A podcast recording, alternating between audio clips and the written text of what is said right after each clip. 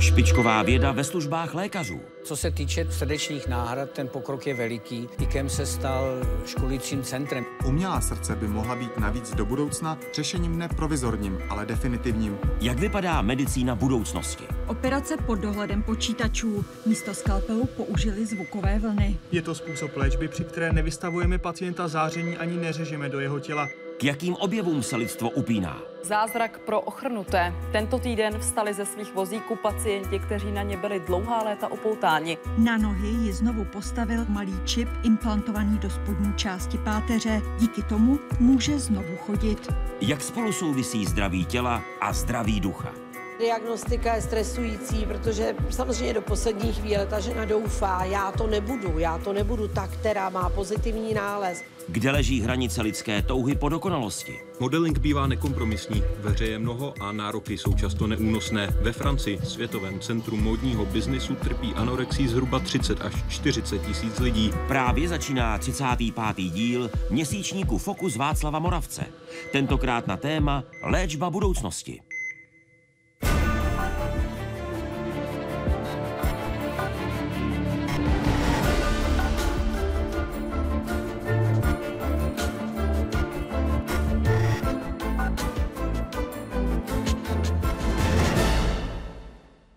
Hlavními příčinami smrti člověka už nejsou viry, mikroby a bakterie, které decimovaly lidstvo v uplynulých staletích. Nejčastějšími zabijáky člověka jsou dnes nepřenosné nemoci. Rakovina, srdeční onemocnění nebo mozkové příhody. Týká se to každého regionu světa, včetně Afriky. Výzvou pro vědce je nejen hledání léků na nepřenosné nemoci, ale i to, jak zkvalitňovat život ve stáří, když se dožíváme čím dál vyššího věku. Především tato témata probereme v dnešním fokusu. Při jeho sledování vítám vás, diváky z Pravodajské 24 i publikum tady ve výzkumném centru Biocev.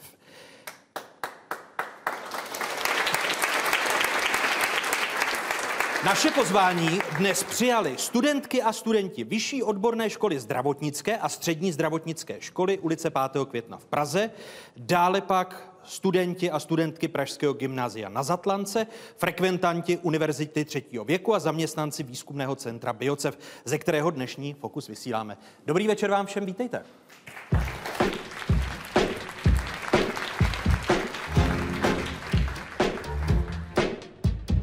Kult zdraví.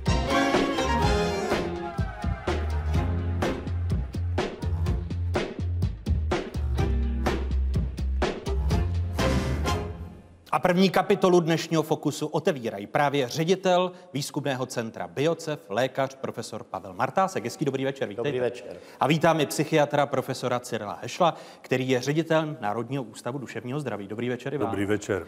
Kult zdraví, páni profesoři. Jak determinuje pohled na lidské zdraví a konkrétně, jaké jsou dopady na lidské zdraví kultu zdraví, pane profesore Martásku? Tak to je velmi obtížná otázka, ale uh, myslím si, že je to velice přímá souvislost mezi tím tlakem veřejnosti a tím, jakým způsobem se chováme, jakým způsobem na sobě pracujeme. Já jsem třeba nedávno, nedávno byl v Polsku a jedeme kolem uh, tržiště a protože mám takovou větší velikost, bylo období, kdy jsem to neuhlídal, pracuji na tom, tak jsem šel a že si koupím sako a je to velice obtížné sehnat eh, určité velikosti. Říkám, na mě asi nebudete mít. A paní říká, pán je konfekční. Takže záleží, jakým způsobem se, se na to díváme a to určitě pan profesor Hešel by nám mohl z toho psychiatrického hlediska říct víc. Pane profesore Hešel. No ne, tak kult zdraví v dějinách eh, zažívá vždycky určitého návratu a pak se zase eh, přesune to těžiště k nějakým duchovním nebo religiozním či spirituálním hodnotám a kultům. No a teď prožíváme, nebo v nedávných dekádách jsme prožívali skutečně tu masivní orientaci, která je daná také tou orientací na spotřebu, na, na tu materiální podstatu a trh, eh, na zdraví. A to má dva aspekty. Jednak ten dobrý, ten pozitivní, že starat se o své zdraví určitě je svým způsobem kýžené, žádoucí a přispívá to k tomu prodloužení života. Pohyb nepochybně je docela dobrou prevencí kardiovaskulárních poruch a z toho vyplývajících i některých nervových a mozkových poruch. Na druhou stranu, když se všecko přežene, tak to má svá negativa a kult zdraví ve chvíli, kdy tím kultem bylo být mladá, krásná, štíhlá a tím vzorem se stala Twiggy, ta hubená modelka, tak najednou jsme zaznamenali po celé země kouli nárůst mentálních anorexí a dívek umírajících na kachexii eh, s touto poruchou příjmu potravy. A to je jedna z nejstínějších stránek. Eh, je to jedna z nejstínějších, ale jsou další. Další takovou stěnou stránkou je například touha, zase abychom nemluvili jenom o modelkách, Eh, mladých, zdravých, silných mužů budovat svou svalovou hmotu a když se pak ukázalo, že k tomu významně přispívají steroidy, tak ještě než se přišlo na to, co to je zač, tak eh, se ta svalová hmota u mnohých budovala tak, že je to přivedlo k smrti anebo k závažným poškozením jater a k různým chorobám. A to byla daň, kterou platili za tu touhu po kráse, čili ten kult zdraví se zvrhnul v eh, neskutečnou metlu nemocí. A e, zrovna tak ten kult e, nebo to bažení pozdraví za každou cenu může vést k fanatismu, takovému tomu dietářskému, restriktivnímu, kdy se vyhýbám všemu umělému, všem barvivům a hlavně ne ty Ečka a tady ty vitaminy a tak. A jakákoliv jednostranost začne dřív nebo později být taky patogenní, protože máte něčeho, byť by to původně bylo zdravé, prostě moc a něčeho, se vám nedostává, takže všeho moc škodí a to, to je takzvaná ortorexie, což je teď novější termín, než byla anorexie. To je posedlost zdravou stravou a ta také může vést k některým nedostatkům základních živin nebo vitamínů nebo i stopových prvků a podobně. A to všechno jsou drastické důsledky touhy po zdraví. Takže... Vy, když jste, vy, když jste mluvil o těch příjmech eh, potravy a poruchách příjmu potravy, tak podle těch posledních dat se s nimi v České republice ambulantně léčilo zhruba 4 tisíce osob. Velmi často dívky do 19 let. Počet těch případů roste nebo čase klesá? Roste. Ten nárůst eh, závisí na několika faktorech. Jednak na tom, jak moc se o té poruše ví, eh, to znamená na osvětě a je tedy rozpoznávána už na té laické úrovni a ti eh, dotyční nebo ty dotyčné jsou směrovány do, do psychiatrické péče. No a jednak to podléhá módě. A je docela zajímavé, že právě ty, eh, ty ideály, ty vzory, to je na jedné straně plnoštíhlé modelky a barokní obrazy, na druhé straně hubené modelky a e, štíhlá vzezření, tak ty určují do určité míry takový ten Eh, obecně přijímaný vzor, jak by člověk měl vypadat, aby byl zdravý a krásný a to může vést až k tomu extrému. Takže někdy eh, to, touha po zdraví je strašně nezdravá. A potom na tom, v tom hraje roli docela dost způsob života a transkulturální rozdíly. Já mám kamaráda lékaře, psychiatra v Jižní Africe a ten mi říkal, že v době, kdy ještě v Jižní Africe Eh, byl v některých eh, populacích, zejména tedy barevného obyvatelstva, tu a tam hladomor, tak tam neexistovala mentální anorexie. A teprve, když se i původní, nebo tomu černošskému obyvatelstvu začalo dařit relativně dobře s tím, jak se přece jenom životní úroveň v Jižní Africe zvedala, tak se začala objevovat mentální anorexie a začaly tyhle ty módní vzory hrát roli. Zatímco předtím měli všichni úplně jiné starosti. Je to asi tak jako eh, ve válečných konfliktech si lidi nepouštějí doma e, válečné ty thrillery v televizi a tak. Že? Pane profesore Martásku, vy se setkáváte s pacienty e, v rámci své specializace, e, kteří, když jsou konfrontováni s kultem zdraví, jak na ně, jak na ně reagují? Zajímám se o vrozené vady metabolismu, zvláště o choroby, kterým se říká choroby sirotci.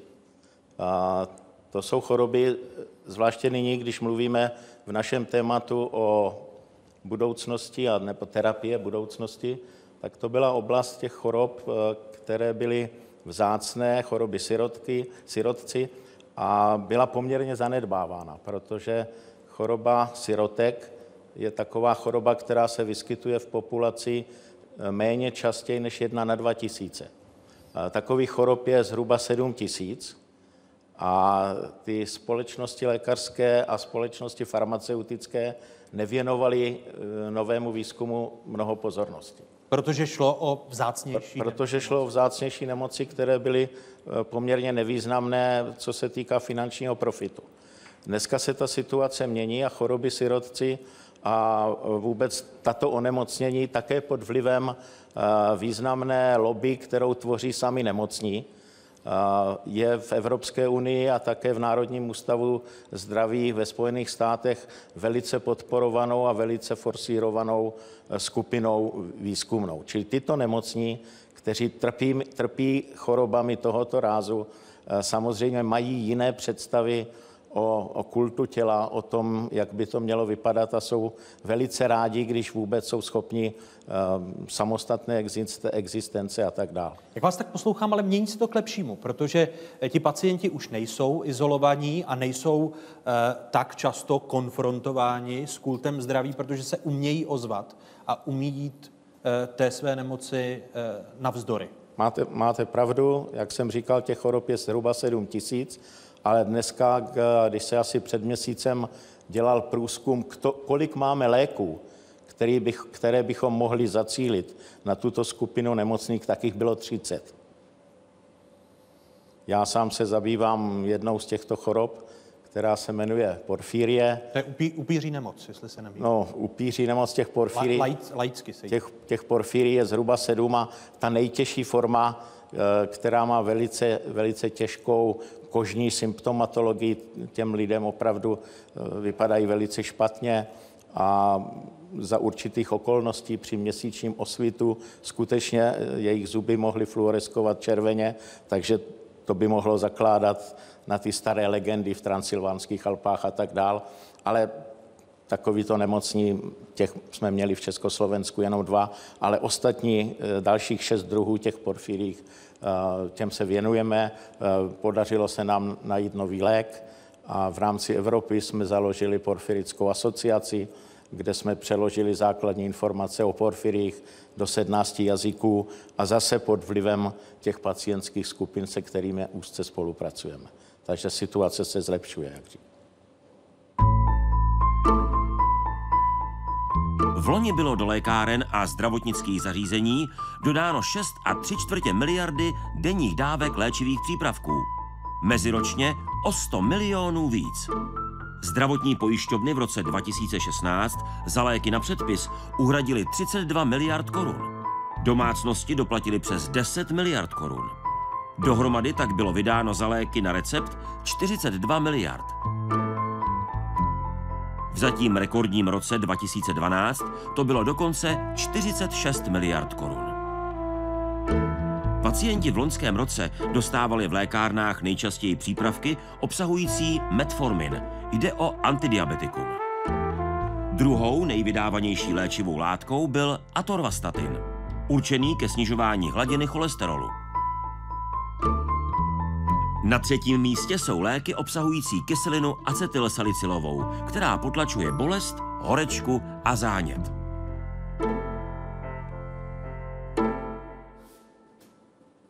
V citované statistice jsme zmínili látky působící jako antidiabetikum eh, a snižující cholesterol. Pane profesore Martásku, jsou toto problémy, které se objevují ve zmíšené míře s rostoucím blahobytem společnosti?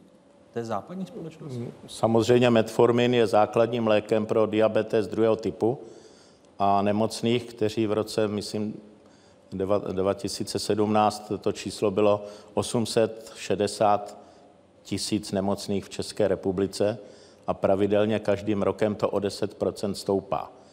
Takže mm, část, samozřejmě část těch diabetiků, nebo možná i převážná část diabetiků tohoto typu, je, tam je to spojeno s nezdravým způsobem, s nedostatkem pohybu, se sedavým zaměstnáním, s nesprávným složením stravy. To všechno se dá změnit.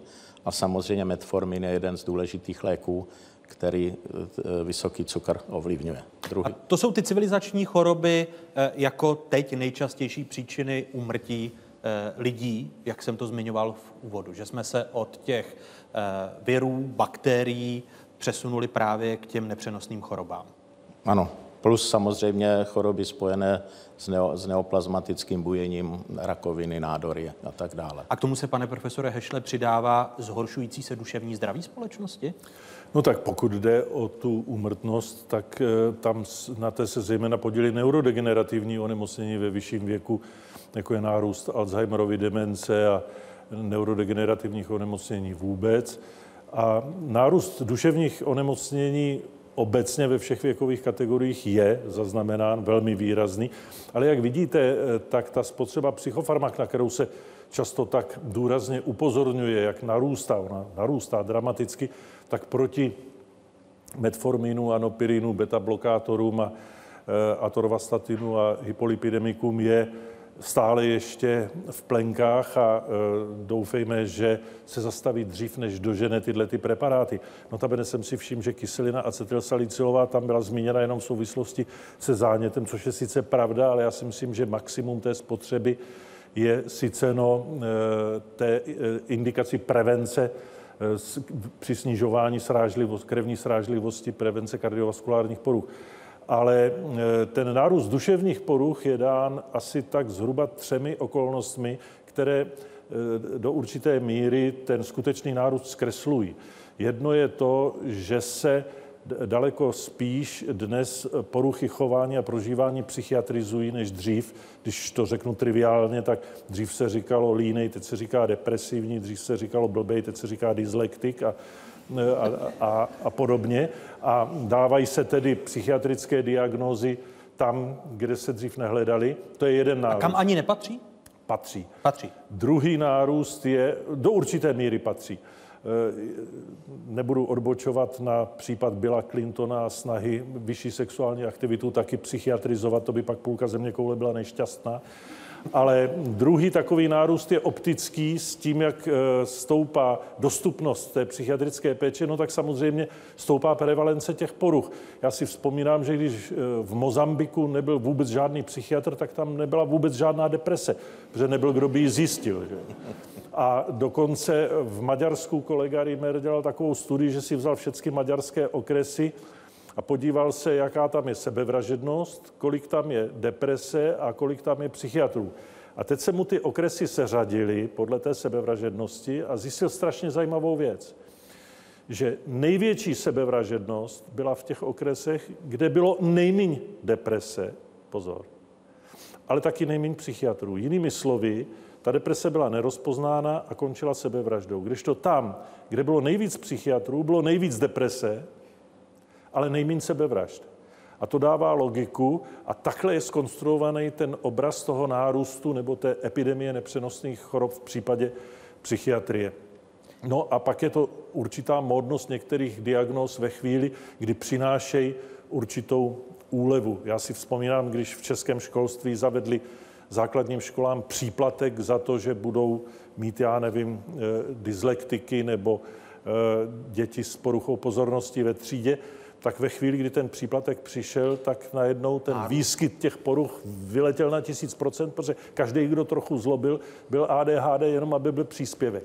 A e, takhle se taky vyrábí nárůst duševních poruch. Čili je ta čísla třeba číst vždycky velmi opatrně a s určitou rezervou. Ona ke kultu zdraví, o němž se bavíme, také patří touha být e, co nejvíce mladý nebo působit mladě. Stárnutí z toho medicínského hlediska, pane profesore Martásku, se projevuje jak?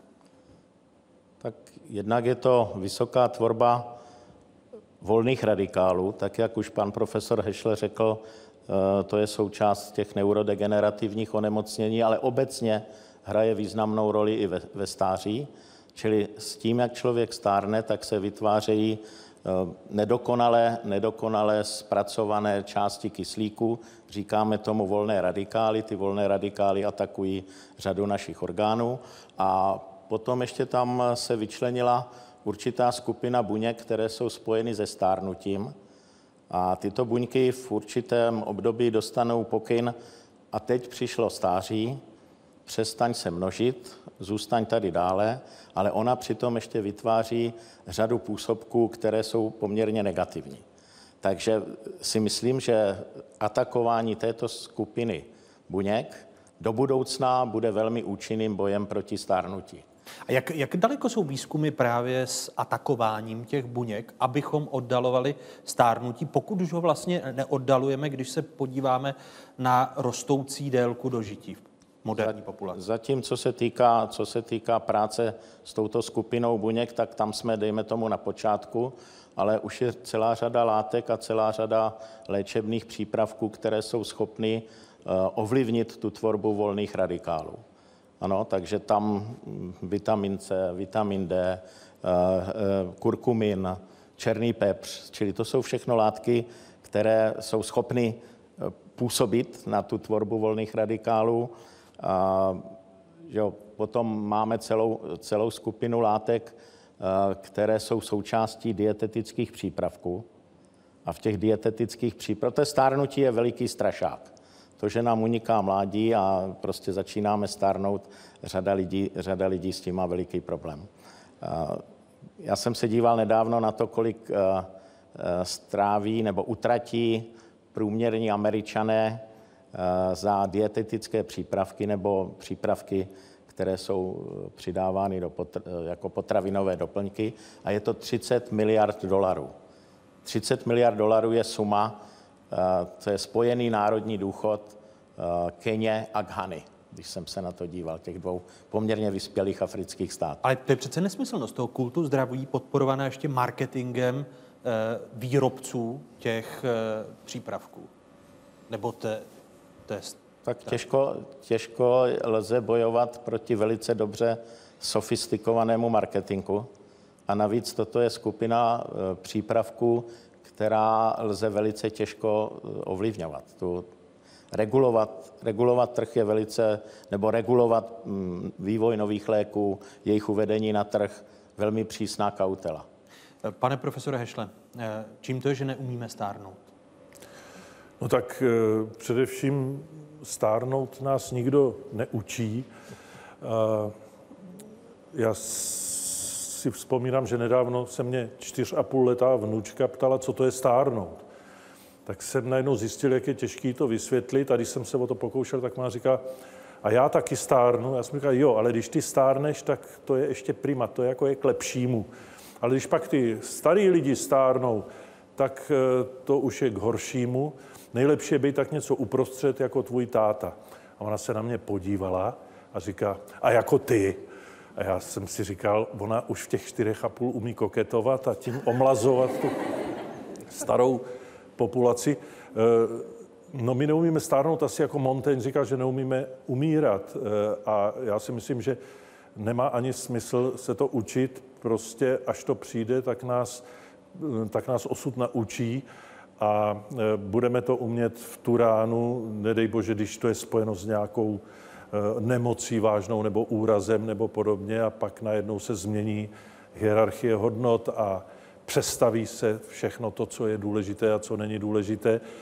A když se nám podaří na tu novou úroveň se zadaptovat, tak zjistíme, že se dá žít třeba i na vozejku a s plenama, s protézama zubníma a tak a možná není ani úplně na místě tím ty lidi, kteří si to v tom středním věku ještě neumějí představit, tak je s tím předčasně strašit. Ono stačí, až to přijde.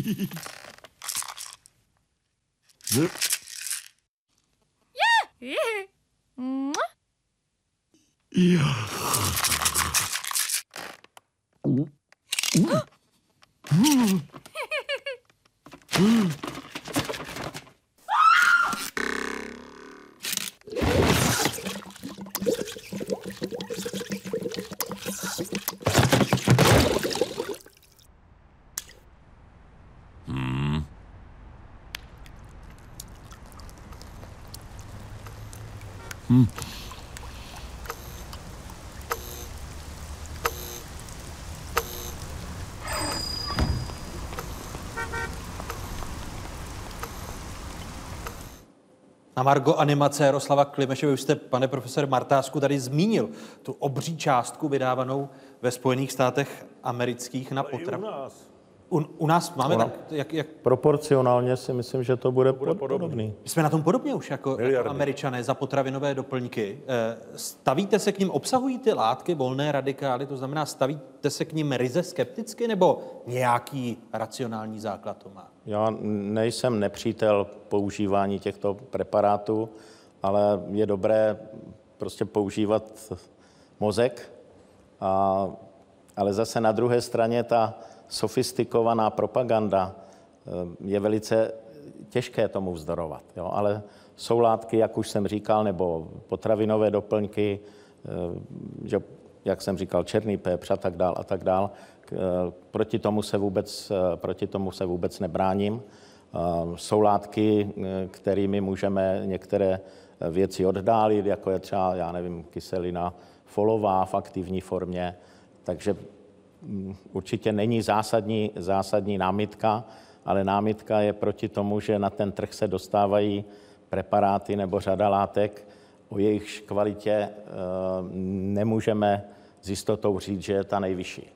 Taky tam neplatí leninské, čím více, tím lépe u mnoha těch eh, stopových prvků. A já mám na tohleto docela humornou příhodu. Jednou jsem v jednom nejmenovaném severočeském městě průmyslovém s velmi špatným ovzduší přednášel mimo jiné o volných kyslíkových radikálech a o těchto otázkách, o kterých mluvíme.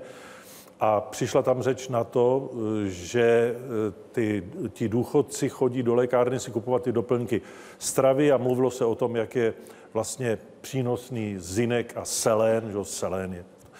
A přihlásil se takový starý pan lékárník a říkal, pane profesore, tady sedí naši spoluobčané, vysvětlete jim nějak, že to je strašný, když chtějí zrušit 30 korunový poplatek a přitom nechávají 100 koruny až tisíce za doplňky stravy, přitom toho selénu a zinku mají v tom ovzduší tolik a je to zadarmo. Že?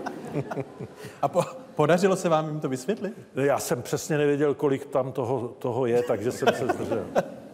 Eh, jak- Jaké, s jakými negativními důsledky toho kultu zdraví a, a těchto marketingových tahů se, pane profesore Martásku, setkáváte, na které bychom se jako pacienti nebo jako lidé měli dát pozor?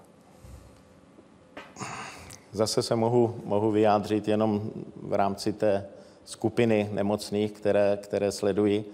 Takže tam s tím kultem zdraví je to velice těžké. Eh, Jak jsem říkal, v těch, eh, u těch chorob sirotků, u těch eh, nemocných, kteří mají ta vzácná onemocnění, tam se dostáváme do poměrně velkého tlaku, prostě kult zdraví na jedné straně, postižení na druhé straně.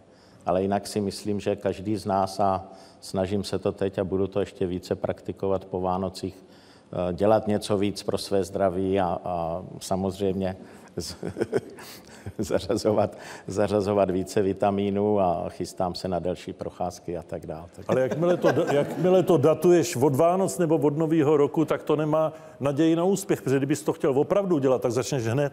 No ale právě si říkám, když to řeknu hned, tak to nebude tak jako jasné, když si to naplánuji. Vidíte, to jsem si říkal, jestli my s panem profesorem Martáskem nejdeme právě proti kultu zdraví, protože to je náš protest, občanský protest, proč každý má být štíhlý, proč každý má mít, má být krásný a má mít plastické operace. Správně. Dávám vám za pravdu, protože bylo období, kdy se svými nad 100 kily jsem říkal studentům, že jsem nejštíhlejší ve své rodině, což byla pravda.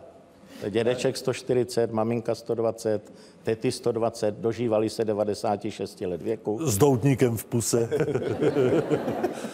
Eh, Jaké, jaké škody z toho eh, na lidské duši může, pane profesore Hešle, právě napáchat eh, biznis se zdravím? Určitě. Vy jste se ptal na to, čeho, na co by si člověk měl dát pozor. Já si myslím, že nejrozumnější zásada je, že člověk by si měl dát pozor především na lidi. A to zejména na ty, kteří mu něco vnucují a jsou motivováni rozhodně jinak, než zajistit vaše zdraví. Oni chtějí prostě prodat své produkty, často pod podvodnou reklamou, často zneužívajíce naší naivity nebo naivity těch, kteří si to ochotně kupují a stačí jim navěsit na nos jakékoliv bulíky a zaštítit se neexistujícími lékařskými kapacitami. Mě vždycky baví, když na internetu na mě vyhrknou ty různé stránky a tam je takový prošedivělý krasavec s fonendoskopem kolem krku a doktor ten a ten vřele doporučuje, tak já se ho pak snažím vygooglit a zjistím, že takový doktor prostě nikde neexistuje, zejména když ještě jsou tak naivní, že uvedou pracoviště a vy pak zjistíte, že tam nikdo takový není.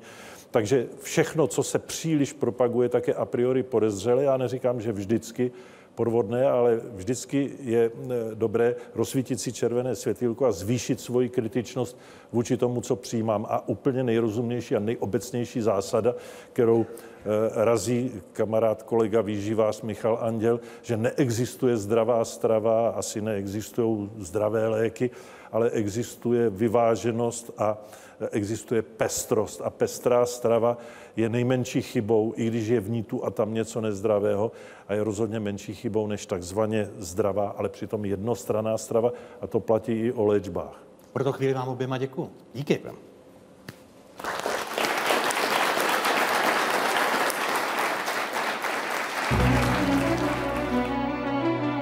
Hosty Fokusu Václava Moravce na téma Léčba budoucnosti dnes večer jsou psychiatr Cyril Hešl, lékař a výzkumník Pavel Martásek, onkolog a biochemik Alexi Šedo, imunoložka Jiřina Bartuňková, epileptolog a neurovědec Jakub Otáhal a neuroložka Eva Kubala Havrdová. Metastázy. To je nejčastější příčina úmrtí u nádorových onemocnění.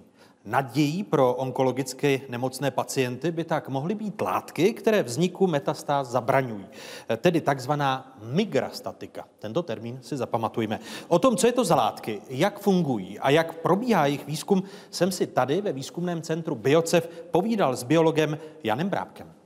Pane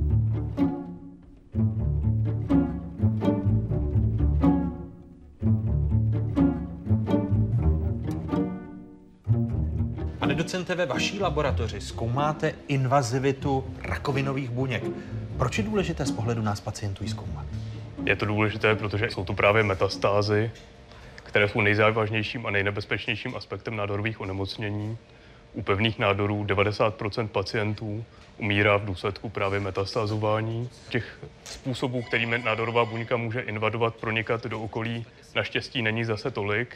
A naše laboratoř v oblasti molekulárních a buněčných mechanismů toho pohybu, udělala několik prioritních objevů, ale potom jsme se posunuli ještě o kus dál a řekli jsme si, že by bylo mnohem lepší, kdyby jsme měli látky, které by byly schopné inhibovat všechny způsoby vlastně invazivity nádorových buněk.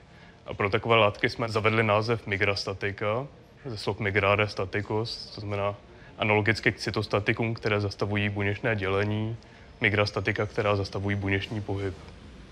Pak, když by se to podařilo, tak by se z nebezpečných agresivních solidních nádorů mohla stát chronická onemocnění s lokalizovanými nádory na místě. Já tu destičku, kterou jsme teďka připravili, umístím na mikroskop. Nyní je potřeba ten sferoid najít. Takže tady můžeme vidět tu v podstatě kuličku, jak vypadá pod mikroskopem. Jak funguje celý proces metastátu, ještě tak podrobně popsáno není, ale zrovna co se týká té první a kritické fáze té invazivity nádorových buněk, tak tam už dnes víme, že existují v podstatě dva základní důležité způsoby. Jeden je, že ty buňky vlastně vypustí takové specializované bílkoviny, které eh, rozkládají okolní mezibuněčnou hmotu a vytváření v ní tunýlky, kterými ty nádorové buňky vylézají po jedné nebo ve skupinkách. A druhý způsob je, že se změní v takové améby a měňavkovitým pohybem prolézají tu mezibuněčnou hmotu, hledají si otvory v té mezibuněčné hmotě. A v zásadě pouze tyto dva způsoby eh, invazivity nádorových buněk jsou možné. My studujeme invazivitu nádorových buněk v trojrozměrném prostředí, protože v těle také probíhá v trojrozměrném prostředí. Takhle potom ten sferoid vypadal 48 hodin po tom, co byl eh, v kolagenu. To znamená, že tady vidíme, že eh, ty buňky byly schopny invadovat, přesunovat se do okolního prostoru. Eh, naopak tady vidíme, že ty buňky se z té základní kuličky v podstatě skoro nedostaly, takže tady bychom mohli hovořit o migrastatickém efektu té testované látky. Ta migrastatika jsou schopné ty nádorové průmky v tom 3D prostředí zastavit a vlastně to též se ukazuje i na experimentálních zvířatech, nejen v našich studiích, ale existuje několik desítek studií, která vlastně ty látky, které my jsme definovali jako migrastatika, tak výrazně snižují metastázování, někdy ho úplně zastavují nebo prostě brání úplně metastázování těch nádorových buněk.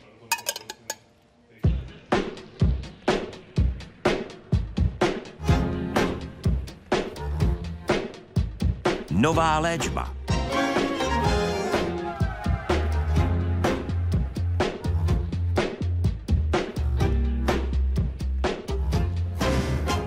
A druhou kapitolu dnešního fokusu otevírají imunoložka, ředitelka Ústavu imunologie druhé lékařské fakulty Univerzity Karlovy, profesorka Jiřina Bartůňková. Hezký dobrý večer, vítejte. Dobrý večer.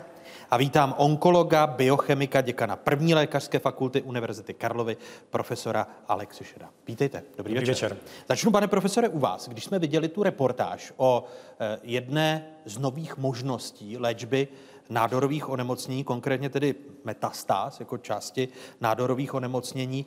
Migrastatika, jak významný mohou představovat posun v léčbě nádorových onemocnění? Já bych odpověděl trošku více ze široka, protože historicky samozřejmě studenti medicíny se učili, že základní onkologické terapeutické přístupy, nebo říkáme taky základní onkologické terapeutické koncepty, jsou chirurgická intervence, cytostatická léčba a záření. Postupem času to portfolio metod, které má dnešní medicína k dispozici, se rozšířilo cílenou léčbu, imunoterapii, v některých případech hormonální léčbu, existuje celá plejáda dalších přístupů.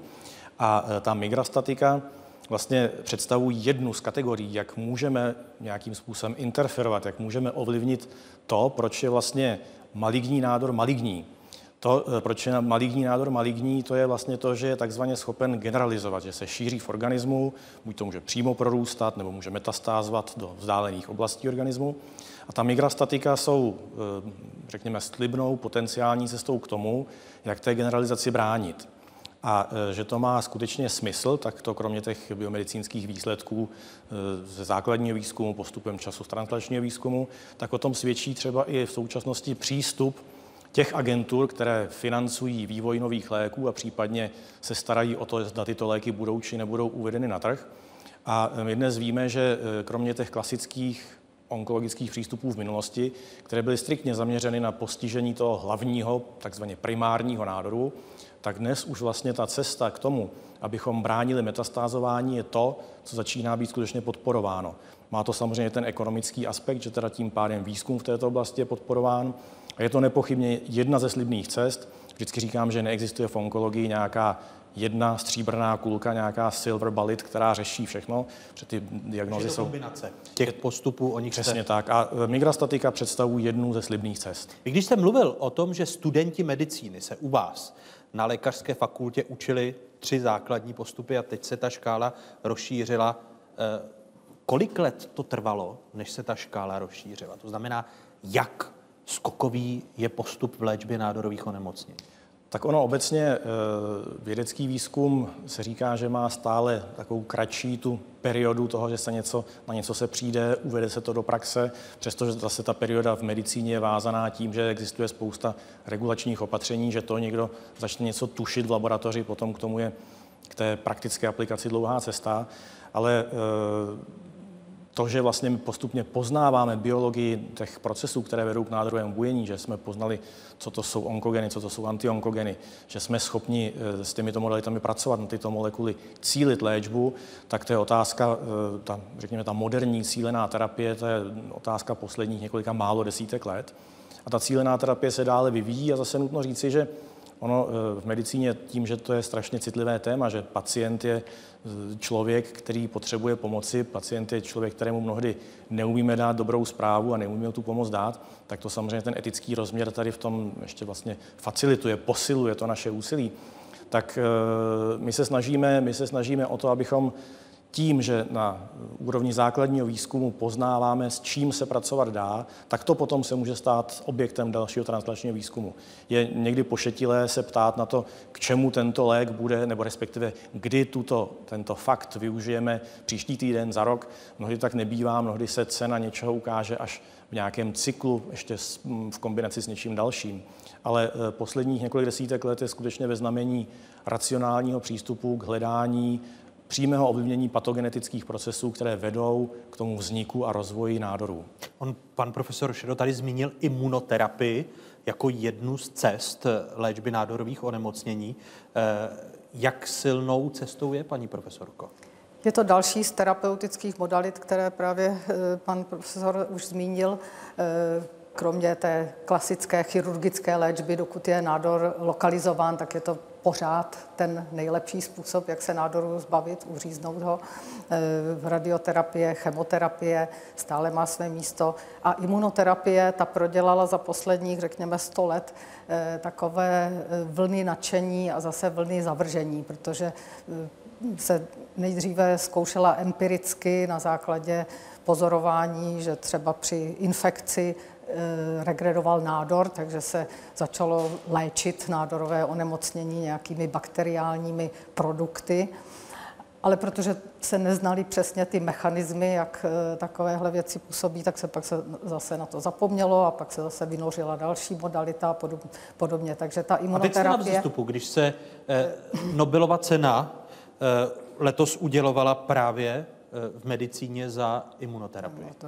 Eh, dá se říct, že teď je imunoterapie na vzestupu a e, také se dá říct, že imunoterapie se již stala součástí řekla bych i běžnou součástí léčby onkologických onemocnění.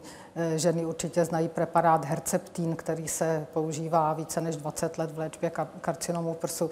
To je příklad e, pasivní imunoterapie, kdy cílíme monoklonální protilátkou e, tu zbytkovou nádorovou buňku a tím ji eliminujeme. Takže opravdu ta imunoterapie se už stala e, dneska součástí. Vy se ve svém výzkumu zabýváte tou aktivní imunoterapii. My se zabýváme, nikoli, ano, aktivní. pasivní, pokud byste nám ji měla přiblížit. Ta aktivní imunoterapie znamená, že se snažíme v eh, imunitním systému pacienta vybudit jeho vlastní mechanismy k tomu, aby bojoval s tím nádorem. Eh, konkrétně ten náš koncept vychází z toho, že naučíme ve zkumavce na mm, buňky eh, z pacienta, které, kterým říkáme dendritické buňky, tak je naučíme rozpoznávat nádor a potom ty vychované buňky vracíme pacientovi zpátky eh, a tím indukujeme tu imunitní odpověď. Takže to je jeden z příkladů té aktivní imunoterapie. Ale to, za co bylo udělena ta Nobelova cena, tak to je vlastně taková chytrá horákyně, je to něco mezi aktivní a pasivní imunoterapií. Eh, pasivní je v tom, že se dodávají eh, již hotové protilátky, ale proti takzvaným kontrolním bodům imunity, které když zablokujete, tak odblokujete vlastně ty protinádorové mechanismy, které pak převáží. A Za cenu ovšem... o, o vakcíny, které se v pr- které vpravují ty látky do, do těla pacienta? Eh, vakcíny přece jenom necháváme eh, tuto terminologii pro eh, antiinfekční. V našem případě spíš hovoříme o aktivní imunoterapii nebo buněčné imunoterapii, i když v hantýrce se tomu říká nádorové vakcíny, ale to, za co byla udělena ta Nobelova cena, to se ne, neoznačuje vakcínou, to jsou monoklonální protilátky proti takzvaným checkpoint inhib- molekulám neboli checkpoint inhibitory. inhibitory Anotoval, ještě mě k tomu napadlo to, že když jste se ptal ten inovační cyklus, kdy se začaly ty specifické modality objevovat, my jsme se ještě na medicíně v 80. letech, tedy v mém případě, jsme se učili, že imunoterapie zklamala což dnes tedy víme, že to samozřejmě tak se to vzít nedá. A na druhou stranu musíme být i ostražití, protože to eh, medicínské poznání, které se převádí do praxe, vždycky musí být vnímáno v kontextu s poznáním dalším, takovým mimoběžným. A eh, když tak mě paní profesorka opraví, ale s chodou okolností přednedávnem eh, jsme měli u nás přednášku jednoho kolegy z Harvardu, který se zabývá problematikou maturace lymfocytů. A e, to jsou procesy, které probíhají v brzlíku, je to taková poměrně složitá procedura. A zároveň teda tyto procesy jsou provázeny tím, že některé z těch bílých krvinek, které by nám byly nevhodné, které by napadaly nás samé, se eliminují. Můžeme se jich zbavit. A e, je zajímavé, že právě e, autoři těch moderních imunoterapeutických přístupů upozornili na to, že možná může být v těchto procesech, v jejich, řekněme, modifikovaném průběhu, zakopaný pes v tom, že mohou být pacienti, kteří na podání imunoterapie reagují rozvinutím autoimunity. My to dopředu o nich nevíme, ale e, patrně to bude do budoucna jedna z věcí, která nám pomůže ještě více zindividuálnit přístup v této oblasti, že budeme vědět, který pacient to potřebuje a přitom byli proto i vhodný. A to je možné tyto postupy označit za experimentální onkologii, které se, pane profesore, vy věnujete, nebo to do toho nespadá? E, nespadá to tedy přímo do, řekl bych, mé branže, ale e, samozřejmě, že tyto, je to spíš taková molekulární imunologie, na pokraji onkologie, ono ty medicínské obory mezi sebou nemají čáru danou jasně nějakým pravítkem, takže na to konto se e, potkáváme s kolegy, kteří se věnují problematice buněčné biologie v nádorovém bujení a zkrátka, že podáváme si v tom různě ruce. Jak my si vlastně, paní profesorko, stojíme jako Česká republika, vy jako výzkumníci právě v těchto modalitách léčby nádorových onemocnění? Já myslím, že výzkum v naší republice je na velmi vysoké úrovni a i konkrétně tedy naše pracoviště vlastně vyvinulo přípravek buněčné terapie, který se dostal do fáze třetí fáze klinického zkoušení, e, což se dosud nepodařilo žádnému týmu v České republice, takže a jak dlouho to bude trvat, než dojde pak k to sériové? Tak už to trvalo, už to trvalo tak asi 15 let, eh, co na této problematice eh, pracujeme a eh, pokud v úzovkách dobře dopadnou ty klinické zkoušky, tak ty výsledky budeme znát tak přibližně v roce 2020. Nádorovým onemocněním trpí v České republice více než půl milionu lidí. Počet diagnostikovaných případů každým rokem roste. Například v roce 2008 byl zhoubný nebo preinvazivní nádor nově zjištěn u 77,5 tisíce lidí. V roce 2012 už u více než 87 tisíc a v roce 2016 bylo nádorové onemocnění diagnostikováno u 96,5 tisíce pacientů. Z toho o něco více u mužů než u žen. Daleko nejčastější jsou kožní nádory. Následují zhoubné nádory tlustého střeva a konečníku. U mužů pak zhoubné nádory prostaty, u žen karcinomy prsu. Časté jsou také nádory průdušnice, průdušek a plic.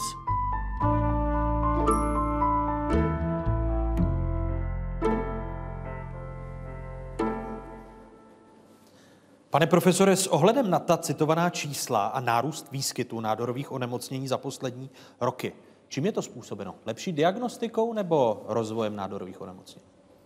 Vy jste velmi dobře trefil hřebíček na hlavičku, ono těch komponent je více. Každopádně ta diagnostika a třeba i screeningové programy ty vedou k tomu, že vlastně ty nádory objevíme dříve, což dává pacientovi zpravidla šanci, ne v případě všech nádorových diagnóz, ale ve své většině to je samozřejmě obrovský benefit pro pacienta ale zároveň eh, dalším momentem, který působí na té širší úrovni epidemiologicky, je to, že se dožíváme vyššího věku a že se tak zjednodušeně řečeno vlastně dožijeme svého nádoru. No totiž z různých úhlů to tady eh, zaznělo vlastně i v jiných souvislostech, ale my si musíme uvědomit to, že během našeho života, tak jak stárneme, tak v sobě postupně akumulujeme nejrůznější mutace, z nich řada může být bezvýznamná, některé mohou být negativní, ale mohou být kompenzované, některé nikoliv.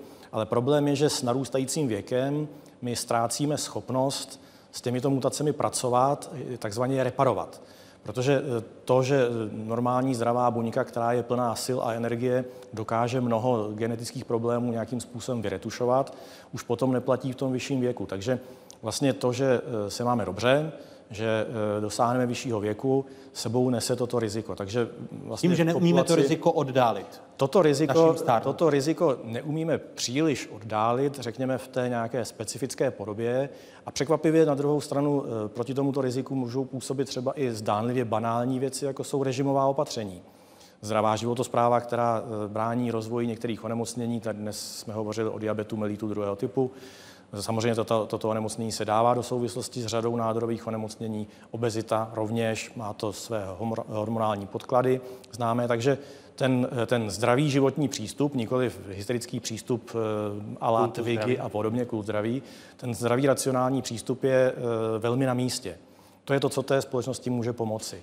Ale musíme počítat s tím, a vlastně už je i na čase o tom přemýšlet z pohledu nikoli v medicíny, ale z pohledu zdravotnictví, že tím, že tyto diagnózy budou narůstat, budeme potřebovat péči o ně, budeme potřebovat lékaře, budeme potřebovat celý ten kontext, který se týká pacientů.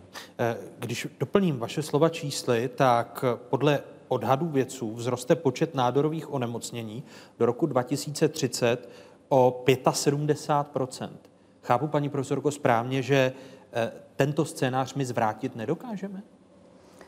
Já myslím, že eh, se dá některými preventivními programy Eh, určitě při nejmenším zachytit ta nádorová onemocnění v eh, časných stádiích, kdy jsou léčitelná. Největší problém je diagnostikovat nádorové onemocnění v době metastáz, kdy už je prakticky neléčitelné, i když s dnešními postupy je eh, se stává nádorové onemocnění jakýmsi chronickým onemocněním, které můžeme oddalovat, oddalovat, ale nedokážeme ho vyléčit. Zatímco v těch časných stádiích se dá vyléčit a znamená to pro pacienta. A role imunoterapie v tom, aby to číslo nebylo tak vysoké, to znamená do roku 2030 o 75 Máme už eh, dnes k dispozici některé vakcíny proti nádorům, které jsou vyvolány viry. Eh, je to příklad HPV eh, vakcíny, která není vakcínou proti karcinomu děložního, číp, děložního čípku, ale je vakcínou proti té infekci virem HPV, který může způsobit tu rakovinu e, čípku. Takže stejně tak očkování proti žloutence B vedlo ke snížení incidence karcinomu jater. Takže v některých případech už máme i preventivní vakcíny, ale zatím se to bohužel týká pouze těch nádorů, které jsou velmi závislé na chronické infekci. Je-li řeč o vakcínách, tak v současnosti se pracuje eh, na vývoji vakcíny proti viru HIV, kde všude může být ta imunologická léčba efektivní možností léčby?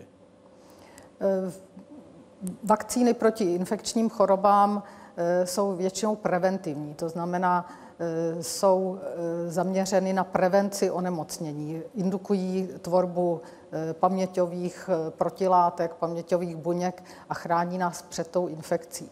Eh, v oblasti jak HIV se také samozřejmě snaží výzkum najít tu preventivní vakcínu, ale také se snažíme, a to se týká i nádorů, najít ty takzvané terapeutické vakcíny. To znamená, ve chvíli, kdy už je nějaký nádor, tak tam zasáhnout právě tě, tou imunoterapií, včetně těch vakcín, abychom Eh, buď zlikvidovali nějaké zbytkové nádorové buňky, které zbydou po těch klasických eh, terapeutických postupech, eh, postupech chirurgie, ozáření, chemoterapie, anebo vlastně zabránit tomu metastazování. A i přes tyto moderní postupy to bude ta chirurgická léčba, která vždycky bude tou nejúčinnější? To, co jste se učili, pane profesore, v 80. letech na medicíně? Já bych, ani, já bych ani nesouhlasil s tím, že ta úplně nejúčinnější záleží případ od případu, záleží stádium od stádia, jestli je zrovna ta, v té dané situaci vhodná. Zpravidla se v terapii používají kombinované přístupy, že třeba po té, eh, potom, říká se tomu resekční výkon, potom, co ten nádor je tedy eh, odňat, tak potom na to navazuje třeba ozáření, to je třeba v případě mozkových nádorů, mnoha dalších. Ale zase je třeba si uvědomit, a to si myslím, že to je to, co biomedicínští vědci mají samozřejmě na paměti, že nám mnoho důležitých věcí uniká. My na mnoha frontách různě bojujeme proti jednotlivým fenoménům toho vzniku a rozvoje nádorových onemocnění, ale přesto třeba e, my nevíme, proč některé z nádorů v současné době dramaticky jejich výskyt narůstá, karcinom pankreatu například. Je to e, velký zabiják, je to strašně velký problém a ta stávající léčba, která je chirurgická a potom následuje, následují ty další modality, tak vlastně nepřináší eh, velký pokrok v přežití. Totež se týká řady mozkových nádorů, konkrétně glioblastomu. A eh, zde je evidentní, že ty stávající medicínské přístupy, dá se říci, že budeme dělat stále totéž, tak získáme stále totéž a eh, je to cesta, která prostě není ta, která by eh, problém řešila od začátku. Takže to je to pole biomedicínské vědy, které se zaměřuje na ty eh, jednotlivé komponenty, které nakonec mohou vést k nějakému úspěchu. S tím, že to pole je stále ještě, přesto jakého pokroku vy věci a lékaři dosahujete, stále hodně široké? Paní profesor. Je stále široké a e, nádor je vlastně takový ekosystém, tomu říkáme, který tvoří jak samotné nádorové buňky, tak, e, jak už říkal pan profesor, imunitní buňky, buňky vaziva, cévy, všechno. A na ten nádor vlastně můžeme jít z různých stran a proto budoucnost pravděpodobně bude záležet na kombinaci, na racionální kombinaci různých modalit, tak abychom na ten nádor šli z mnoha stran a on nám neuniknul. Já bych si troufl to doplnit, že eh, je to přesně tak, že vlastně my vnímáme ten nádor jako jakýsi, řekněme, patologický, ale orgán, který je v kontextu eh, nás, toho nositele, toho pacienta a ten nádor ovlivňuje, nejenom, nepracuje jenom na základě těch interakcí, které jsou přímo v tom nádoru, ty všechny buněčné populace, které tam jsou, které bohužel pracují ve prospěch těch nádorových buněk potom, ale ten nádor pracuje s celým pacientem. Takže dá se říci, že pacient eh, má nádorové onemocnění, ale zároveň ten nádor má toho pacienta. A to, že my se učíme chápat, jakým způsobem probíhá komunikace mezi tím nádorem a tím nositelem, jakým způsobem probíhá komunikace uvnitř toho nádoru. To jsou ty přístupy, které vedou budoucí medicínu k tomu, abychom mohli tedy se vyrovnávat s dalšími biologickými vlastnostmi toho nádoru. Ale na druhou stranu je třeba připustit, že eh, je dost pravděpodobné, že to, že mm, a v medicíně velmi časté vlastně to, že pacient eh, má nádorové onemocnění, to může být úspěšně vyléčen a ten pacient se dožije dalšího nádoru. Že vlastně podstatný je ten globální celek toho, že ten člověk je stále méně schopen se vyrovnávat na vrub slábnoucího vlastního imunitního dohledu, na vrub těch vyhasínajících reparačních mechanismů.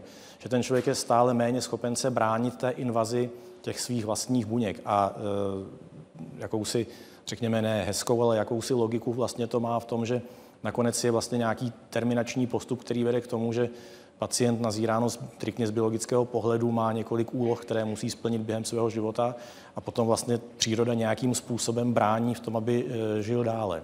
A diagnostické postupy, e, které vy máte k dispozici a které vám pomohou ten nádor zachytit a, a jeho umístění, po případě jeho vývoj, tak e, ty jsou v jakém stupni vývoje, když to srovnáte právě s léčbou nebo omezováním nádorů a těmi přístupy, paní profesorko? Ta diagnostika také samozřejmě pokročila. Máme dnes k dispozici nejnovější moderní techniky, jako je kombinace PET eh, a magnetické rezonance, Eh, máme eh, diagnostiku pomocí eh, takzvaných biomarkerů z krve, kde jsme dnes schopni i detekovat nějaké jednotlivé nádorové buňky. Takže ta diagnostika jde ruku v ruce i s těmi léčebnými postupy a cílem je... Není to tak, že by diagnostika předbíhala léčebné postupy a, a tam... No tak dá se říct, že diagnostiku umíme v, určitém stádiu, neumíme pořád ještě zachytit ta úplně nejčastnější stádia. A e, takže dá se říct, že ta diagnostika i ta léčba jde dost v ruku v ruce. Jsou rozsáhlé screeningové programy, které e, je překvapivé, že v různých e, zemích jsou různě úspěšné. V různých zemích jsou lidé ochotní různě být aktivní v hlediska svého sledování svého zdravotního stavu. A jsou zajímavé studie, které prokazují to, aby se výtěžnost třeba preventivní vyšetření před eh, vznikem kolorektálního karcinomu, aby eh, tato, aby tato screeningová metoda byla více využívána pacienty o několik málo procent, musí se do ní vložit mnohem více peněz vlastně na její marketing v České republice. Nejsme moc disciplinovanými pacienty, nebo respektive nejsme disciplinováni a proto se stáváme pacienty a to ve stádiu, které už potom je pozdější. A, co a což ale souvisí se systémem prevence, chápu to, to sou, správně. To souvisí se systémem prevence, včasné odhalování vlastně těch nádorů v tom stádiu, kdy se eh, snadněji léčí. Co se týče té vlastní diagnostiky, to je také velmi trefná poznámka, protože může se stát, že eh, nádor, který objevíme včas, samozřejmě nám to dává větší šance k terapeutickému zásahu, ale eh, je jedním moderním medicínským konceptem, že tak jak máme takovou tu individualizovanou terapii nádorů, tak eh, vlastně existují takzvané teranostické přístupy, to znamená, že my diagnostikujeme jsme zaměřeni na specifické buňky s nějakými specifickými změnami a prokážeme-li, že tato změna zde je, tak vlastně už tou diagnostickou molekulou třeba můžeme tuto buňku zasáhnout a zničit ji. Teranostika jako složení terapie a diagnostika. Takže trendem, trendem moderní onkologie je individualizace a ta má zase potom samozřejmě své ekonomické meze. Druhou kapitolu dnešního Fokusu otevřeli imunoložka, ředitelka Ústavu imunologie druhé lékařské fakulty Univerzity Karlovy profesorka Jiřina Bartůňková a onkolog, biochemik, děkan první lékařské fakulty Univerzity Karlovy profesor Alexi Šedo. Děkuji vám oběma prozatím. Děkuji.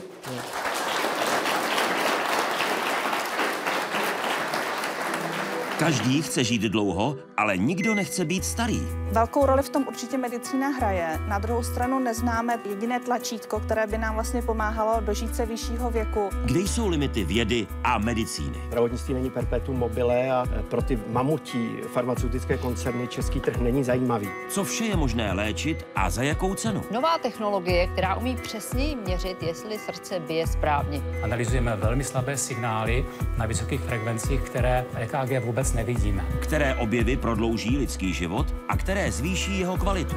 Složitou a nedokonalou léčbu by jednou mohla nahradit takzvaná buněčná terapie. My jsme tyto krevní buňky reprogramovali do stádia kmenové buňky a potom jsme z kmenové buňky vytvořili bíjící srdeční buňky. Podobným způsobem se ovšem připravit taky například buňky nervové, svalové, krevní a tak dále. Sledujete 35. díl měsíčníku Fokus Václava Moravce. Tentokrát na téma léčba budoucnosti. Na počátku byl prostý nápad. A to zacílit lék na elektrárnu nádorových buněk, tedy na její mitochondrie. Výsledkem je látka mitotam, e, látka, která je připravována zde ve výzkumném centru Akademie věd a Univerzity Karlovy Biocev. Celým procesem vzniku až po současné klinické testy mě provázel vedoucí výzkumného týmu profesor Jiří Neužil. V roce 1998, čili v minulém století, jsem měl určitý nápad. Jsem pracoval v Míchově na univerzitě. A napadlo mě, že vlastně začali jsme pracovat na výzkumu protinádorovém, že vlastně zautočíme na nádorovou buňku tak, že připravíme látku, která ovlivní mitochondrie nádorové buňky. E, řada látek protirakovinných e, je po nějakou dobu úspěšná, pak přestaví úspěšné, protože nádorová buňka si dokáže vytvořit rezistenci. Takže my hledáme nějaký cíl léčby pro léčbu, eh, eh, který by se dalo říct, že je achilovou patou nádorové buňky. Takže my jsme vzali jako malou molekulu, která má protirakovinný účinek a nějakým způsobem jsme ji chemicky upravili. A ta chemická úprava spočívá v tom, že ta molekula tu rakovinou buňku uh, ji uškodí v místě, z kterého ta buňka se nemůže zpamatovat, protože ty mitochondrie tyto mikroelektrárny jsou pro rakovinou buňku zcela zásadní. Takže rakoviná buňka nemůže takzvaně vypojit mitochondrie a nějaký, něčím ji nahradit. V tomhle pokusu, který je na obrázku ukázaný, tak tady vlastně vidíme a růst nádorů. Čili tady na té spodní ose je čas, délka pokusu a na ose Y je objem nádoru. A ty žluté čtverečky ukazují růst nádoru v myši, která je neléčena. Tady vidíme tu oblast, která je jako zapouzdřená, je nádor, který na začátku malý a postupně se zvětšuje. A červené čtverečky ukazují, jak na ten nádor působí látka tamoxifen, která je poměrně málo účinná. Ta inhibice... A která se používá dosud? Ta se používá běžně proti tomuto typu nádoru. A to ukazujeme tedy, že nějaké zpomalení tady je, to jsou ty červené čtverečky, ale nicméně ta účinnost je minimální nebo relativně malá. Ta látka, kterou jsme vytvořili, my to tam je působně ukázáno těmi fialovými čtverečky. Tady je vidět vlastně, že ten nádor se ani nezvětšuje a začíná se zmenšovat. A to je vidět tady v těch, na těch obrázcích vpravo, kde vidíte na začátku malý nádor, který zprvu je stabilizovaný a pak se začne zmenšovat. A po nějakých 20 dnech u něk- v tom pokusu bylo, myslím, 6 nebo 7 myší a u dvou nebo u tří myší ten nádor úplně vymizel. Načež eh, to, co jsme udělali posléze, že jsme ty ne- myši nechali bez léčby, protože se stává, že nádor může být zdánlivě vyléčen a pak se obnoví, vrátí. objeví se, vrátí se. A eh, myši jsme nechali půl roku bez léčby, nádor se nevrátil.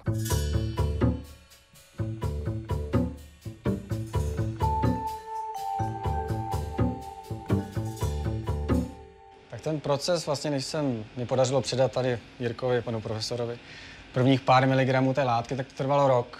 A úskalí jsou samozřejmě taková, že vy na začátku víte, na základě čeho, jakoby, základ byl ten tamoxifen. A teďka dostanete jako zadání nebo nápad, že je, bylo by dobré ten tamoxifen dostat do mitochondrií. Na základě vlastně výzkumu, který spolu máme už x let, tak víme, jak by se to asi dalo udělat. A vy teďka musíte tu základní molekulu opracovat, tak, aby vlastně jste na ní napojili to, co, co může za to, že ta molekula jde do mitochondrie. A tam je spoustu způsobů a míst, kam to můžete napojit. A vy nikdy nevíte, který je ten správný. Že? Takže vy musíte udělat všechny, nebo aspoň ty, který si vymyslíte, musíte připravit a pak se musí otestovat, který byl ten správný. Kolik těch způsobů celkem je? No Nebo tak bylo? Já, já jsem zkoušel vlastně asi čtyři nebo pět. No, a samozřejmě nej, nej, nejlíp vyšel ten, který trval nejdíl a byl nejtěžší, jak to tak bývá. No. Eh, Co se týče nádoru, eh, v experimentální nádoru v myších, tak jsme to testovali na nádorech prsu. Klasický nádor prsu, který je hormonálně závislý, nádor prsu, který má vysokou hladinu onkogenu HER2 a trojnásobně negativní nádor prsu, který je velmi těžce léčitelný. A na úrovních myších, teda na experimentálních nádorech myších to působí velice dobře ta látka. Teď z vaší laboratoře se mi to tam dostává tedy do klinických testů. Ty klinické testy se uskutečňují na všech druzích rakovinových nádorů? V současné době ty testy probíhají v takovém tom úvodním menším rozsahu a nemůžeme říct, že probíhají na všech typech nádorů, ale máme vybráno asi 10 diagnóz, kde si myslíme, že by ta látka mohla pomoct.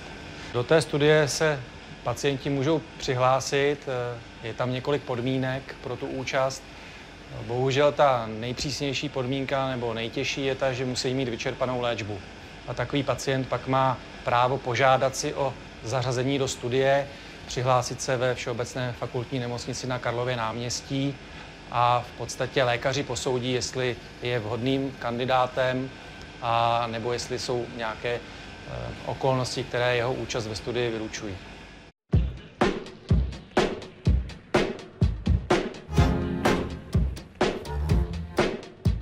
Tělo a duše.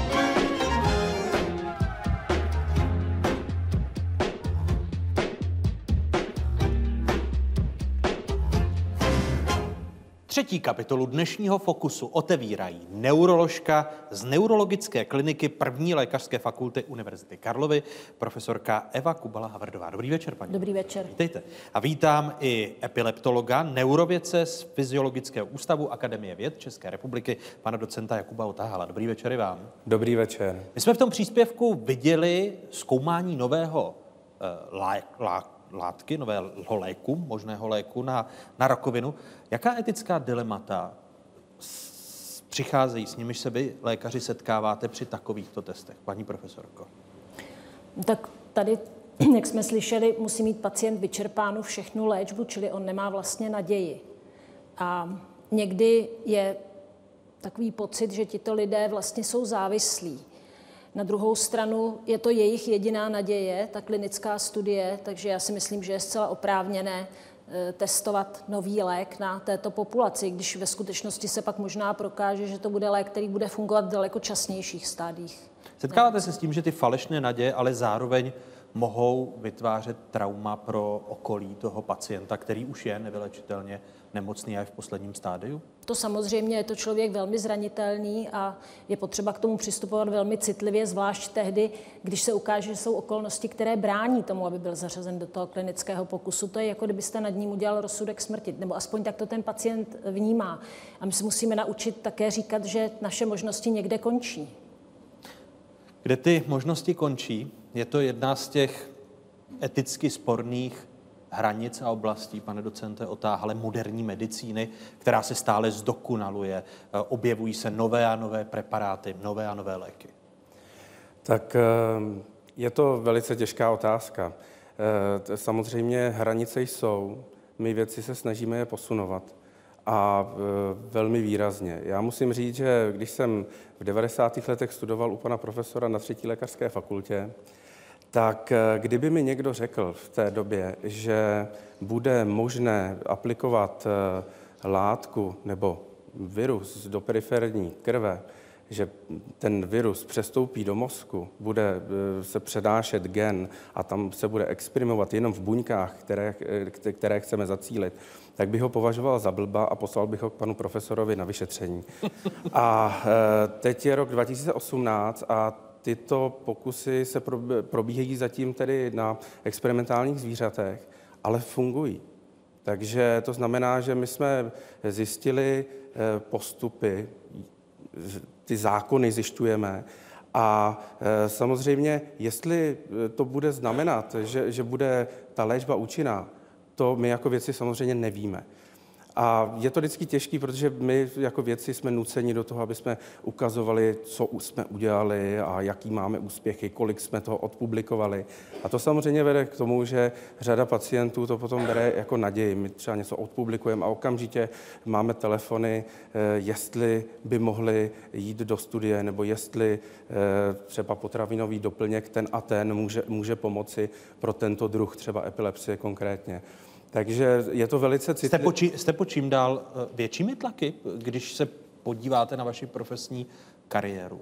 Tak eh, já teda eh, samozřejmě pacienty přímo neléčím, myslím tím lidské pacienty, já pracuji s experimentálními zvířaty, mý pacienti by do toho moc nekecají, ale je pravda, že poslední dobou mám čím dál tím víc kontaktů s běžné veřejnosti a e, snaží se mě nějakým způsobem e, jako donutit, abych s nimi interagoval, e, co se týče jejich léčby a tam já musím říct, že musí být maximální důvěra k tomu jejich ošetřujícímu lékaři a nemůžou hledat nějakou cestu třetí. Neexistuje. Pani profesorko, vy se věnujete léčbě roztroušené sklerozy. I u vás ten tlak pacientů, jejich okolí je postupem času silnější? To určitě je. A na druhou stranu my vlastně vítáme ten tlak pacientů, protože u roztroušené sklerozy se přihodilo za posledních 30 let mnoho nového a z takového strašáku tím vozíkem, tou totální invaliditou, se ta choroba stala pro většinu pacientů léčitelnou. A my víme, že čím dříve je ten pacient léčen tak, aby byl opravdu stabilizován, tak ta invalidita možná vůbec nemusí přijít. Takže tlak těch pacientů je potřeba, aby vyvíjeli ne na nás, ale na ty, kdo vlastně jsou zodpovědní za úhradu té péče. Začínáme-li tuto kapitolu eh, léčba těla a duše, eh, právě spojením těch dvou entit, těla a duše, ukazuje se, že s tím lékařským pokrokem jsou pacienti i k vám jako k lékařům otevřenější a jsou schopni se o té nemoci bavit, protože ta roztroušená skleróza, ku příkladu, už není takovým strašákem, kdy člověk má pocit, no když budu úplně všechno přiznávat, tak už, už jsem téměř zralý na vozík. My určitě máme tu zkušenost, že pacienti jsou, a my taky chceme, aby byli čím dál tím víc vzdělanější, protože to není jenom o lécích, které my můžeme nabídnout, ale je to také opravdu, jak už tady bylo dneska mnohokrát řečeno, o změně životního stylu, kterým oni můžou zvýšit dramaticky kvalitu svého života. Takže my chceme, aby byli informovaní, aby zároveň o informacích kolem těch léků měli také informace, co mají dělat sami pro sebe. A to musí dostat hned na tom začátku. Takže my vlastně tohle tu iniciativu vítáme. Eh, když je řeč o nových postupech léčby, tak ku příkladu u vaší nemoci, které se věnujete, epilepsie, tak ještě před pěti lety by mě ne, nenapadlo, že to budou ty nejmodernější informační technologie, počítačové hry, které přispívají také k léčbě. Možná byste mě také poslal za panem profesorem Hešlem před pěti lety. Ta, ten rozvoj těch eh, informačních technologií je neskutečný a samozřejmě eh, přináší lékařům nesmírné eh, jako podklady toho onemocnění. To znamená, když přijde pacient, tak musí projít celou sérii vyšetření.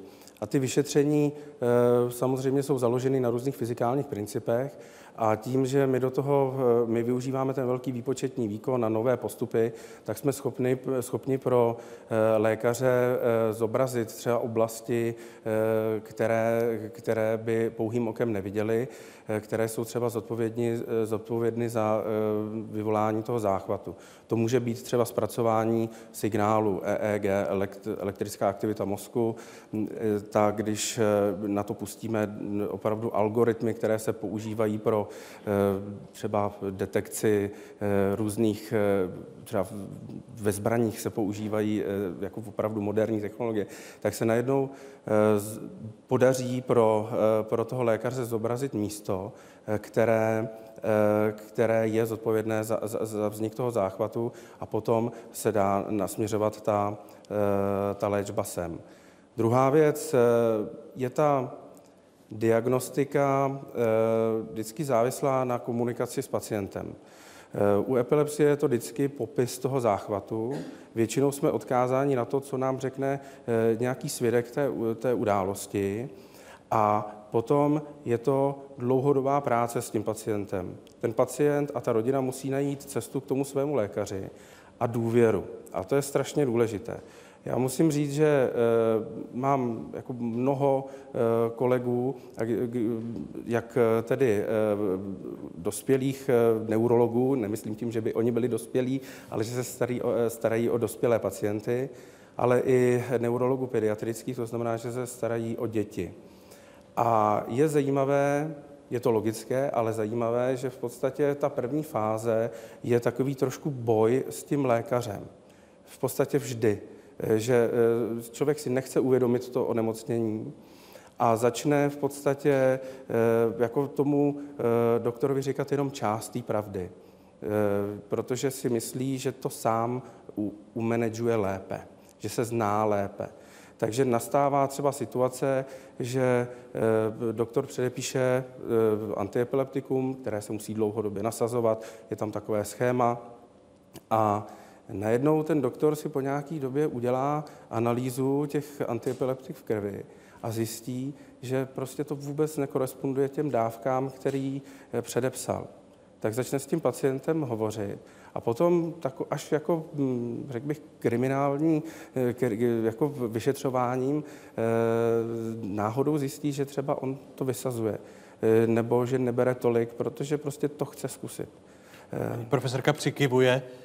Vy máte podobnou zkušenost? My máme samozřejmě podobnou zkušenost, protože je opravdu těžké se smířit s tím, že musím nastoupit nějaký léčebný režim.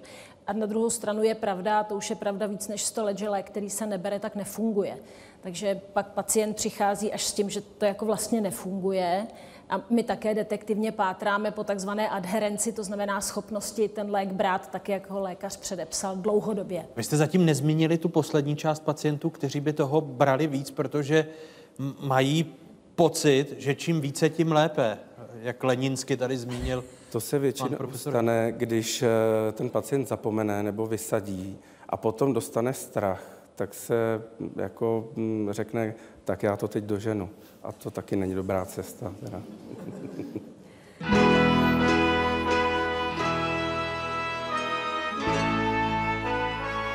Já a Miša a maminka a tatínek tu bydlíme a moc nám tady líbí. Moderní Havířov je městem dětí a mladých hornických rodin.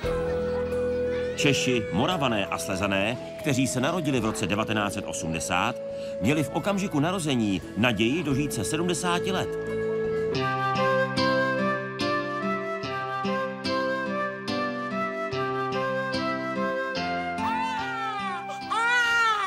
Pro narozené v roce 1990 se naděje dožití zvýšila o rok.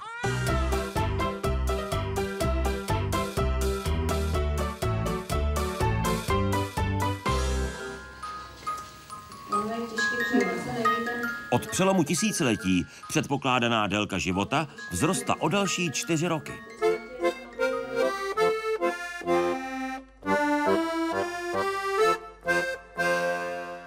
Zatímco děti narozené v roce 2000 měly naději, že se dožijí 75 let, u dnešních batolat je to už přes 79 let. Chlapci se mohou dožít průměrně 76 let dívky více než 82 let. Naději dožít se nejvyššího věku mají v zemích Evropské unie novorozenci ve Španělsku a Itálii. Asi 84 let. Nejnižší průměr má Litva, Lotyšsko a Bulharsko. Zhruba 75 let. Souvislosti s prodlužující se délkou života můžeme mluvit o přímé úměře a tedy i prodlužující se době života, kterou člověk, pane docente, prožije kvalitně? To je těžká otázka. Samozřejmě prodlužující se život je jako fakt a je to velký důsledek kvalitní péče v zdravotnictví především. Eh, zdravotnictví v České, v České republice je, výborné, to jako si musíme přiznat. je výborné a zaplať pámu za to. A e, já osobně si myslím, že ale není tam ta přímá úměra, protože, e, jak jste tady na začátku v té první sekci probírali, jestli umíme stárnout a jak se na to umíme připravit, tak souhlasím s panem profesorem, neumíme se na to připravit jak je ten Zimmerman, jak říká, co si mám vzít sebou do hrobu, i kdyby ta, byla, ta cestovní knížka byla, ta spořitelní knížka byla cestovní, tak nebude platit. Děláme si z toho srandu právě proto, že to neumíme pochopit a neumíme to zvládnout. Ale ten proces probíhá a samozřejmě eh, vždycky reagujeme až na to, co se nám jakoby stane nebo co nám přestane fungovat. A myslím si, že ten tlak, který je eh, na nás, eh, jak jsme tady říkali, ten kult zdraví a, a tak dál, tak nás vede k tomu, že když najednou nám něco nefunguje nebo něco nezvládneme, Eh, tak z toho máme eh, pocit eh, špatný, provinění, uvědomujeme si to stárnutí. A tady je potřeba asi se snažit opravdu aktivně přistupovat k tomu a hledat takový to, ten aktivní přístup, ten pozitivní, že si říct, tak jako ne, ne, nemůžu běžet 100 metrů už, jako to bývalo, ale furt si dojdu pro noviny.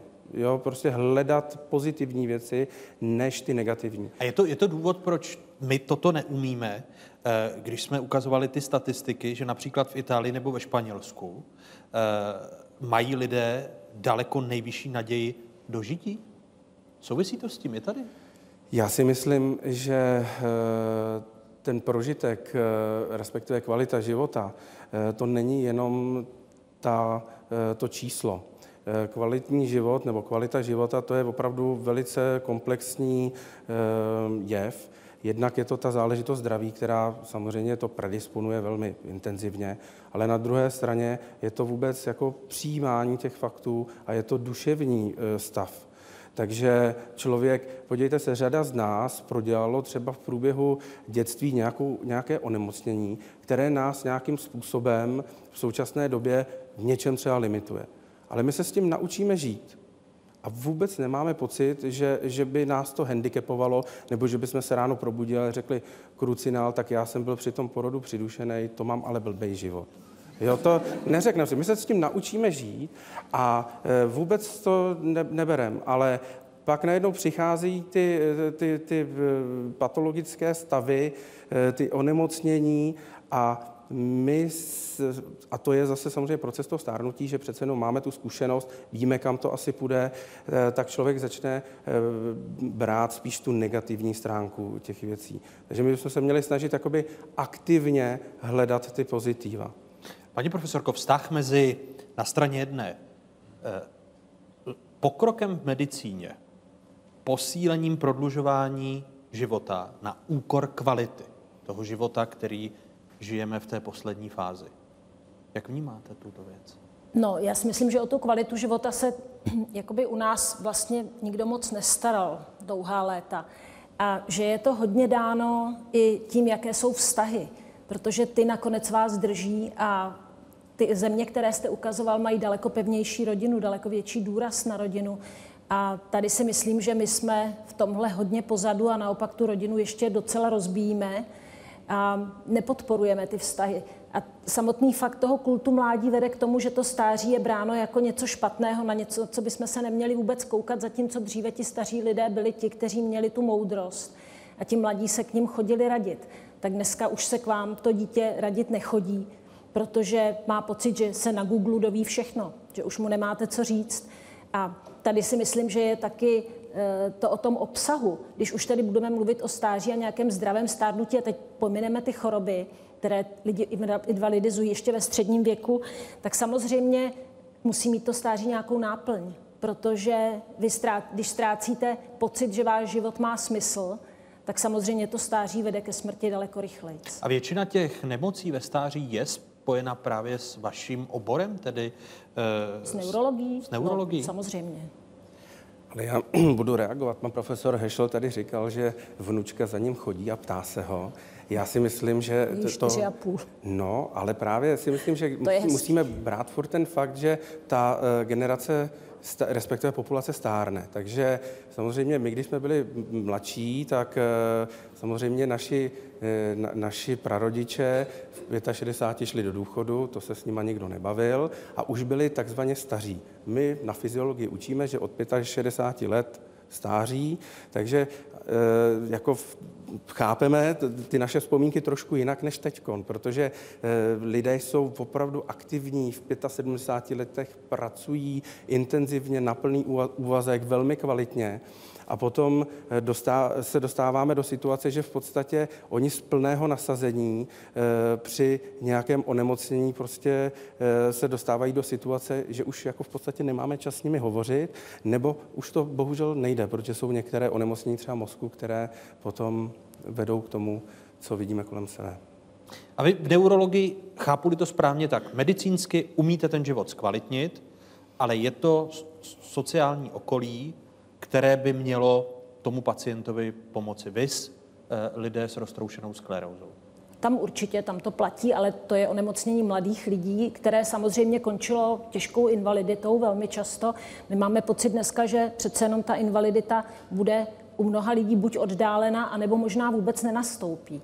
Ale ve skutečnosti samozřejmě ty rodiny, ty, ta kvalita těch rodin je naprosto zásadní pro kvalitu života toho pacienta, zvlášť pokud se tam nějaká invalidita objeví. Takže tam je to tak, že tady můžeme oddálit to špatné, tu, tu špatnou kvalitu života ve skutečnosti pacienti, i když jsou třeba ve věku 40-50 let, kdy na ně ta invalidita vlastně v těch starších studiích dopadla, to znamená, že jsou buď plně upoutáni na vozích nebo totálně závislí na svém okolí, tak kvalitu svého života hodnotí jako horší než smrt a nemluvíme o generaci 70+, plus, mluvíme o těch 40+, plus, protože já si ještě pamatuju, jak nám na neurologické klinice v Krči ti lidé umírali ve 40 s těžkými proleženinami, nepolikající, nemluvící.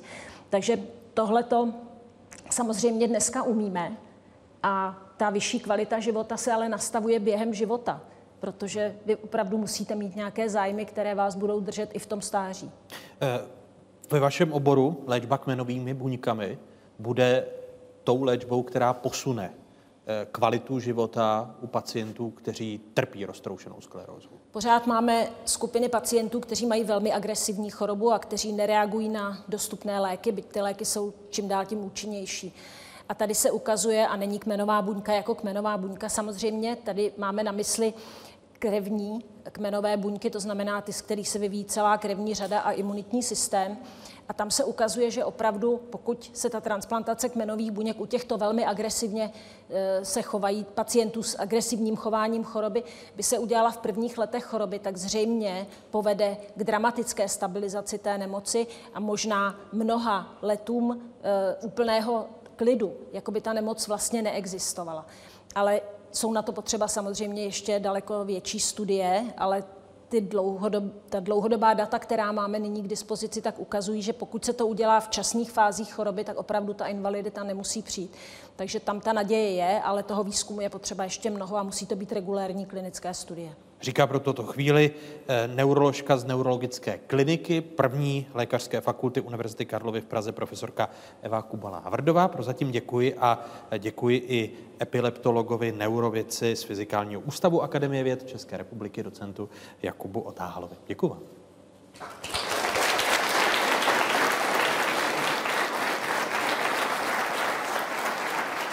Myš a člověk mají toho společného mnohem víc, než by se nám mohlo zdát.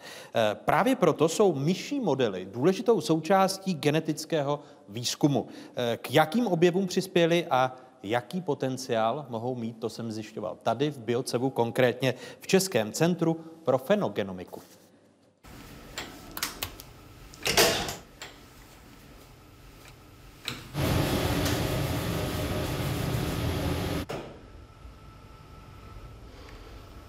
Teď jsme v části, kterému říkáme zvěřinec, ve kterém chováme v podstatě naše myší modely. Myší model, to říkáme myši, ve které jsme editovali nějakou část genu nebo celý gen A když je ten gen změněný, tak naším úkolem je zkoumat, co ten gen dělá. Ta sada genů u myši a člověka je velmi podobná. Já bych řekl, že tady je asi 98% genů, které jsou velmi podobných.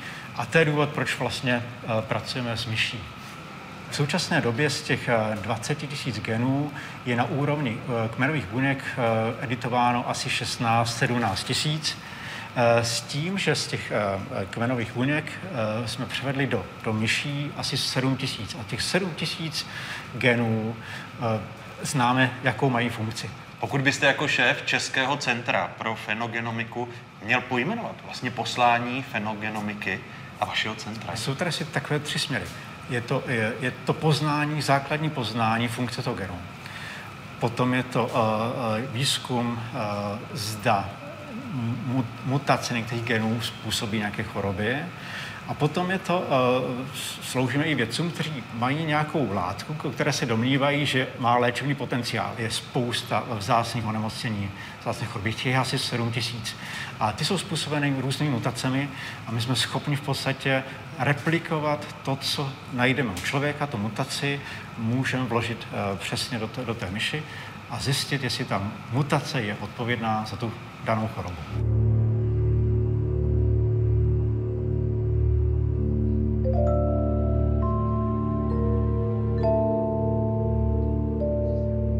Chceme připravit mutantní myš, tak to musíme udělat na úrovni uh, jedné buňky. To znamená, máme oplozené vajíčko, tady si jednou uh, kapilárou držíme uh, tu myší zegotu a druhou kapilárou, tady tu, která nejde skoro vidět, tak do ní uh, nainikujeme CRISPR-Cas9, což jsou právě ty genetické nástroje, které si nasednou, najdou si tu DNA ve vajíčku, nasednou na ně, na to místo, kam jsme naprogramovali, aby nasedli, to znamená třeba do toho genu, který nás zajímá, a vlastně rozstřihnou vlákno DNA, čímž tam vznikne ta mutace. Ty vajíčka vezmeme a transferujeme do náhradních myších matek, takže taková mikrooperace a za tři týdny se nám narodí myší mláďata, která když bude mít štěstí, tak už bude mít právě tu mutaci, kterou jsme chtěli získat. To znamená, například jim bude chybět ten gen, který chceme zkoumat. Netertnův syndrom je vzácné onemocnění, které se projevuje právě abnormalitami na kůži. Uh, takže ty děti, které se narodí s mutací v genu SPINK5, uh, tak uh, mají právě kůži, která jakoby nedrží pohromadě. Tak to vypadá vlastně novorozená myš, běžné holátko, ze kterého za tři týdny bude normálně vypadající myš. A tady takto vypadají právě ty myši, které mají tu mutaci, která způsobuje u lidí Nettertův syndrom. Nettertův syndrom se normálně u myší běžně nevyskytuje. Takže můžete vidět, že podobně jako u pacientů se jim odlupuje kůže, dalšími analýzami jsme zjistili, že mají vlastně chronický zánět v kůži. To znamená, nám to vlastně ukazuje, že ten model je dost věrný té situaci u člověka, že to vlastně dobrý model na to, jak zkoumat tu nemoc. A tím pádem, kdybychom zjistili, co tu nemoc přesně u té myši způsobuje, tak pak ty poznatky můžeme aplikovat zase v lidské medicíně.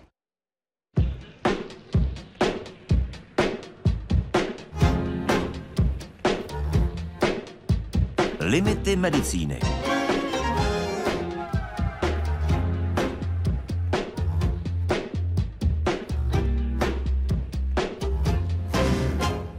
Limity medicíny v diskuzi všech šesti hostů dnešního Fokusu. My jsme v tom předchozím příspěvku viděli, jak jsou upravovány genetické informace myší a loni se vědcům z Harvardovy univerzity a z Massachusettského technologického institutu podařilo pomocí změny DNA u myši vylečit luchotu. Letos pak vědci dokázali opravit gen ještě nenarozené myši. Začnu u pana docenta Otáhala. Jak blízko jsme tomu, že se začnou upravovat geny u člověka? Já předpokládám, že ta otázka je nasměrovaná na léčbu, protože samozřejmě geny se upravují běžně tím, že máme třeba virovou infekci, tak samozřejmě vir infikuje tu, tu buňku a přenese si tam své geny a tak dojde k té úpravě.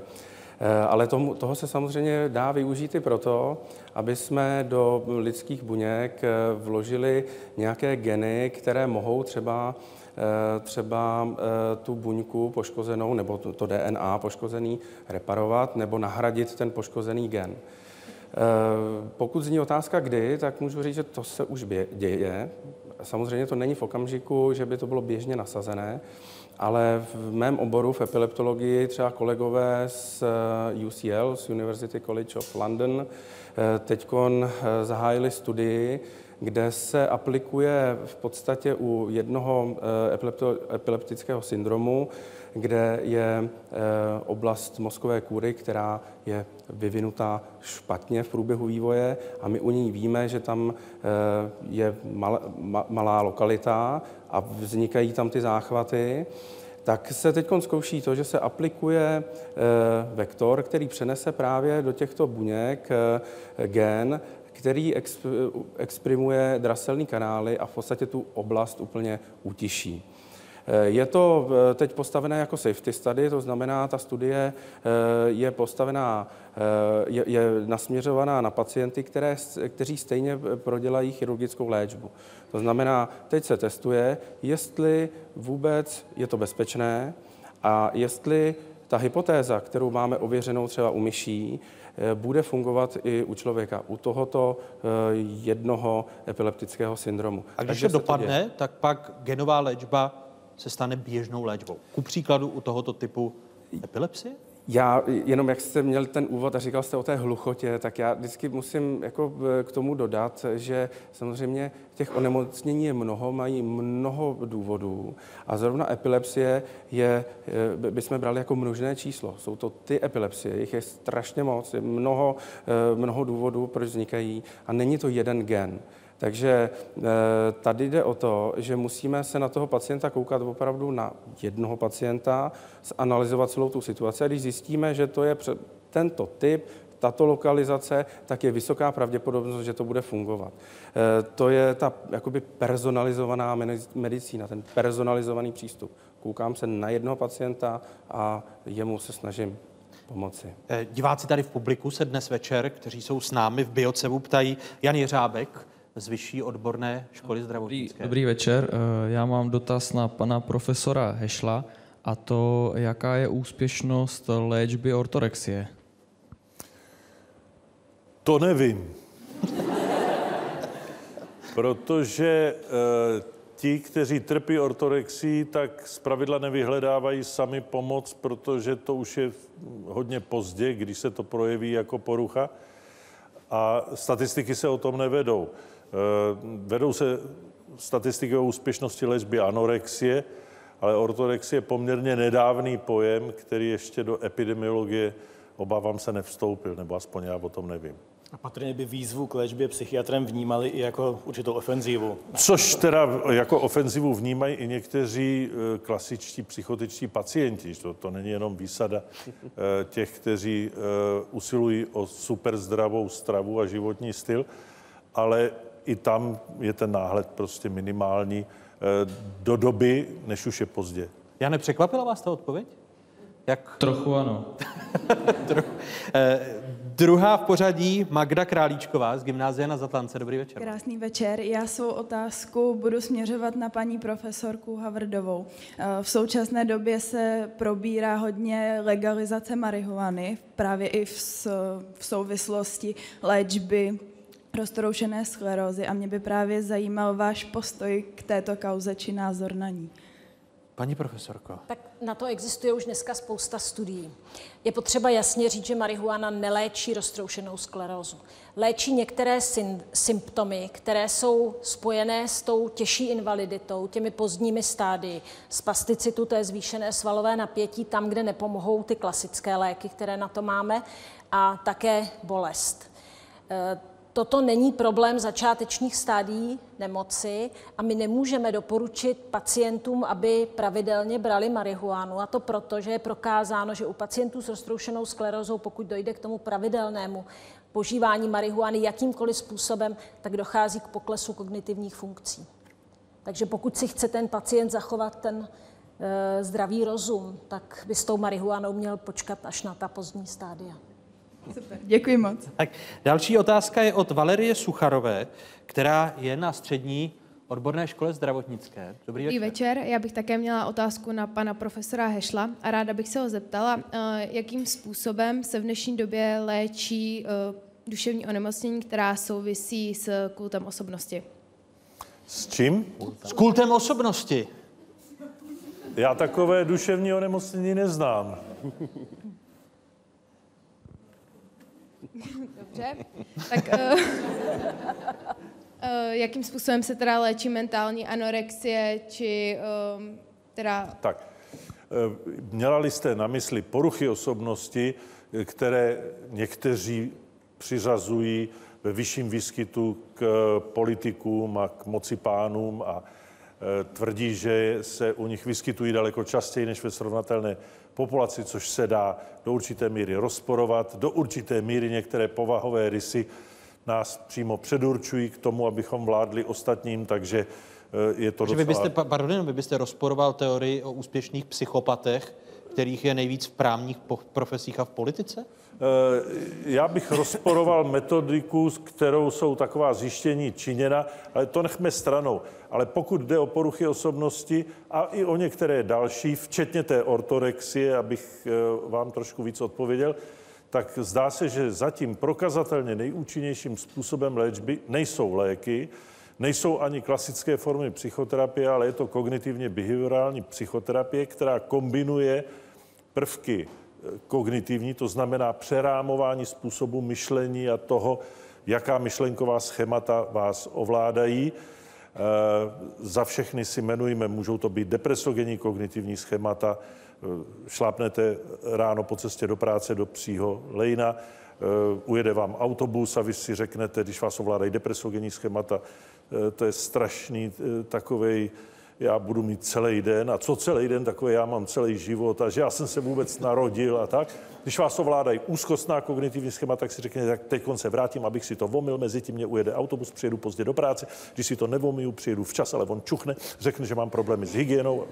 Pak vás ovládají paranoidní kognitivní schémata a řekne, ano, to je zase ten sousedovic čokl, flintu na ně.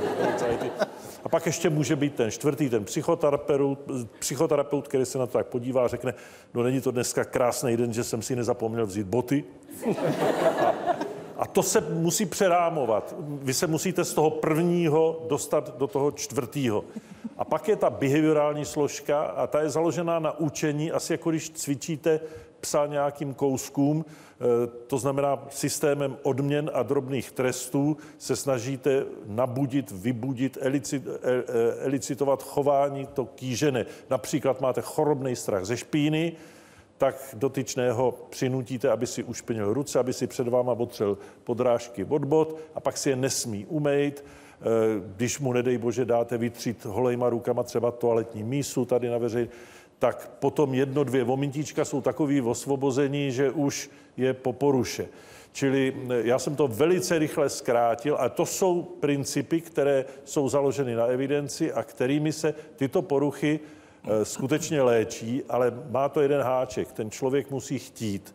A ti, kteří trpí poruchami osobnosti spojenými s naprostým nedostatkem náhledu a ještě pocitem, že oni jsou ti mistři světa, tak samozřejmě nechtějí, léčit se nebudou. Pan profesor Šedo? Mě to jenom nedá ta původní otázka, ta zněla na kult osobnosti a myslím, že ten by se dal léčit nemedicínsky, třeba volbama. Valerie spokojená. Dobře, děkuji. Další otázka, gymnázium na Zatlance a Eliška Koblicová. Ano, děkuji. Dobrý večer. Já bych měla otázku na paní Havrdovou. Jestli zdá k zařazení do studia jsou, do studie jsou i jiné vlastně kritéria, než jen právě uh, nevyléčitelnost nádorového onemocnění. Jestli tam hraje roli třeba věk nebo nějaká jiná další kritéria. Tak samozřejmě existují studie, která ne, které nejsou dělány pro pacienty, u nich všechno selhalo ale kde se například hledají schémata, která by byla srovnatelná s těmi předchozími schématy. A vždycky samozřejmě, by ta, aby to bylo statisticky průkazné na co nejmenším množství lidí, tak je potřeba, aby ti lidé si byli něčím podobní. A někdy je tam samozřejmě omezení věkem od do, tam bývá omezení přidruženými chorobami, že třeba v té první studii se nechce, aby to byli diabetici nebo pacienti s nějakým orgánovým postižením dalším, čili to má různá kritéria. Dobře, děkuji. Podobná otázka i pro paní profesorku Bartuňkovou, protože jsem se tady v Biocevu, když jsme se bavili e, s týmem vědců o mitotamu, setkali s tím, že opravdu ti pacienti, kteří jsou v tom už nevylečitelném, v tom posledním, v té poslední fázi, takže se nedostává dostatek těch lidí do, do takovýchto studií, paní profesorko, pacientů.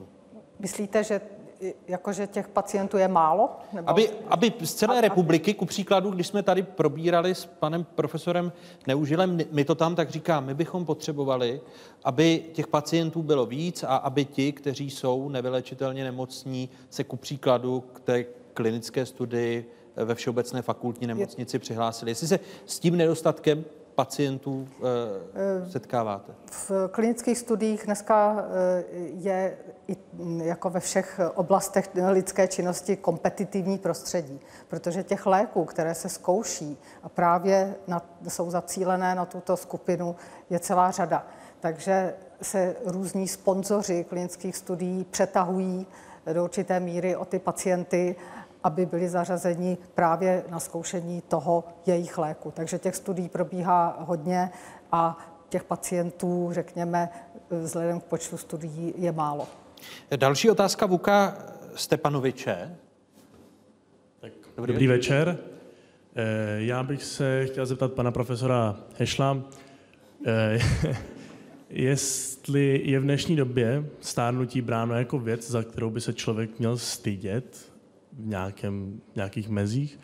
Může to zvýšit výskyt depresí v populaci? Víte, že ano, do určité míry je v té společnosti orientované na kult mládí, krásy a úspěchu eh, stáří čímsi nechtěným, nemilovaným, obávaným eh, a spojeným s vysokou mírou opuštěnosti. A opuštěnost, to, že domácnostech nad 65 každý druhý, co já vím, v Londýně žije sám, tak je vysokým rizikovým faktorem deprese. Čili všechno, na co se ptáte, je pravda a opravdu to spolu souvisí.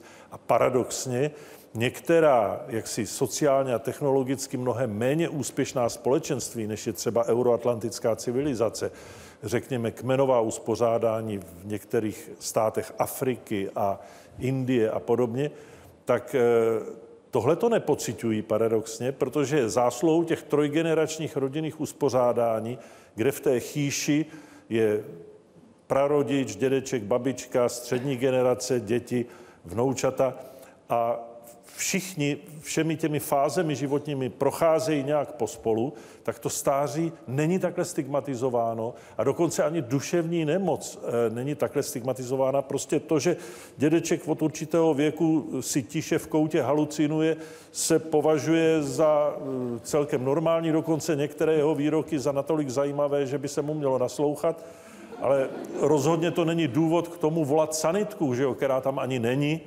a nebo ho odkázat do nějakých neexistujících sociálních sítí. Takže skutečně ta na výkon orientovaná společnost to stáří jakoby nechce vidět a e, vytěsňuje ho za horizont e, svého obzoru a e, v tom máte pravdu. Tím nechci říct, že by ta e, méně technologizovaná a méně úspěšná společenství byla po této stránce na tom lépe. Ona jsou na tom lépe tom rodinném uspořádání a v té e, vlastně absenci toho stigmatu, ale na druhou stranu jsou na tom hůře, že všichni dřív umírají a to na choroby, kterých my už jsme se zbavili. Když se jako lékaři podíváte na českou společnost, ku příkladu míra rozvodovosti, rozpad rodin, jsme na tom hůř než e, společnost britská, když jste, pane profesore Hešle, zmínil třeba Velkou Británii. Bývali jsme a ta situace se od 90. let e, poměrně zlepšila, ovšem za cenu toho, že máme mnoho nesezdaných párů, které nežijí v manželském svazku, ale žijí Nahromad. manželským životem, čili ta rodina je úplně, eh, řekněme, přeformulovaná oproti té době předtím, a to tak, že eh, nemá to klasické legislativní zakotvení, tu zodpovědnost, kterou měla předtím. A také se ten věk tomu se ošklivě říká sňatkovost nebo e, podobně, posouvá do vyšších věkových kategorií. Takže dneska jsou prvorodičky po 40. roce věku. Když já jsem študoval medicínu, tak ty holky si ty kluky brali po vojně, to znamená, když jim bylo 18, tak klukům 20. Vuku, doplňující pro některého z hostů nebo spokojen? Všechno. Spokojen, tak e, otázka další od Martina Krátkého z Gymnázia na Zatlance. Martine, dobrý večer. Dobrý večer.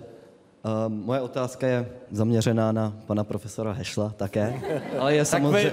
Samozřejmě Medi, medic, jiné druhy, jiné obory medicíny zjevně jsou v naprostém pořádku. Teď máme největší problém s tou duší, pane profesore. Je samozřejmě ale On pro tady všechny. chybí faráz, takže... Hypochondrie. Jestli je to problém vyspělejších států, proč a po případě, jak by se dala řešit? Eh, Česky řečeno je to zvýšené zaměření na svoje vlastní tělesné zdraví a zaobírání se vlastním tělesným zdravím. Trošku to souvisí s tou orientací na zdravý životní styl, protože když podlehnete té módě, začnete sledovat ty obsahy těch živin a, a škodlivin v těch potravinách, tak zároveň začnete sledovat svoje parametry, pořídíte si hodinky, které vám ukazují všechny vaše tělesné parametry, takže ta eh, orientace na zdravý životní styl a až ta ortorexie se s tou hypochondrií do určité míry prolínají, ale také to může být příznak některých duševních poruch. U některých typů depresí je zvýšená orientace a obavnost o své zdraví, to, že mám že kancerofobie, bojím se, že mám rakovinu a sleduju se a studuju se a tak.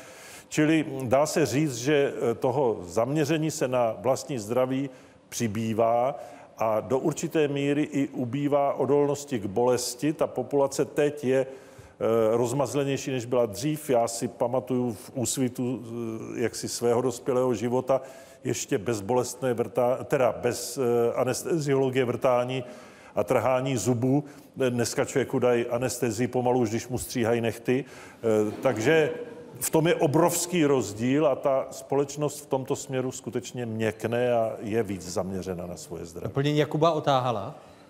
Já samozřejmě jsem chtěl doplnit eh, ty informační technologie, tím se zabývám, takže dostupnost těch informací na, na internetu vede samozřejmě k tomu, že člověk okamžitě přemýšlí, s čím se to ráno probudil za onemocnění, otevře internet a tam má odpověď.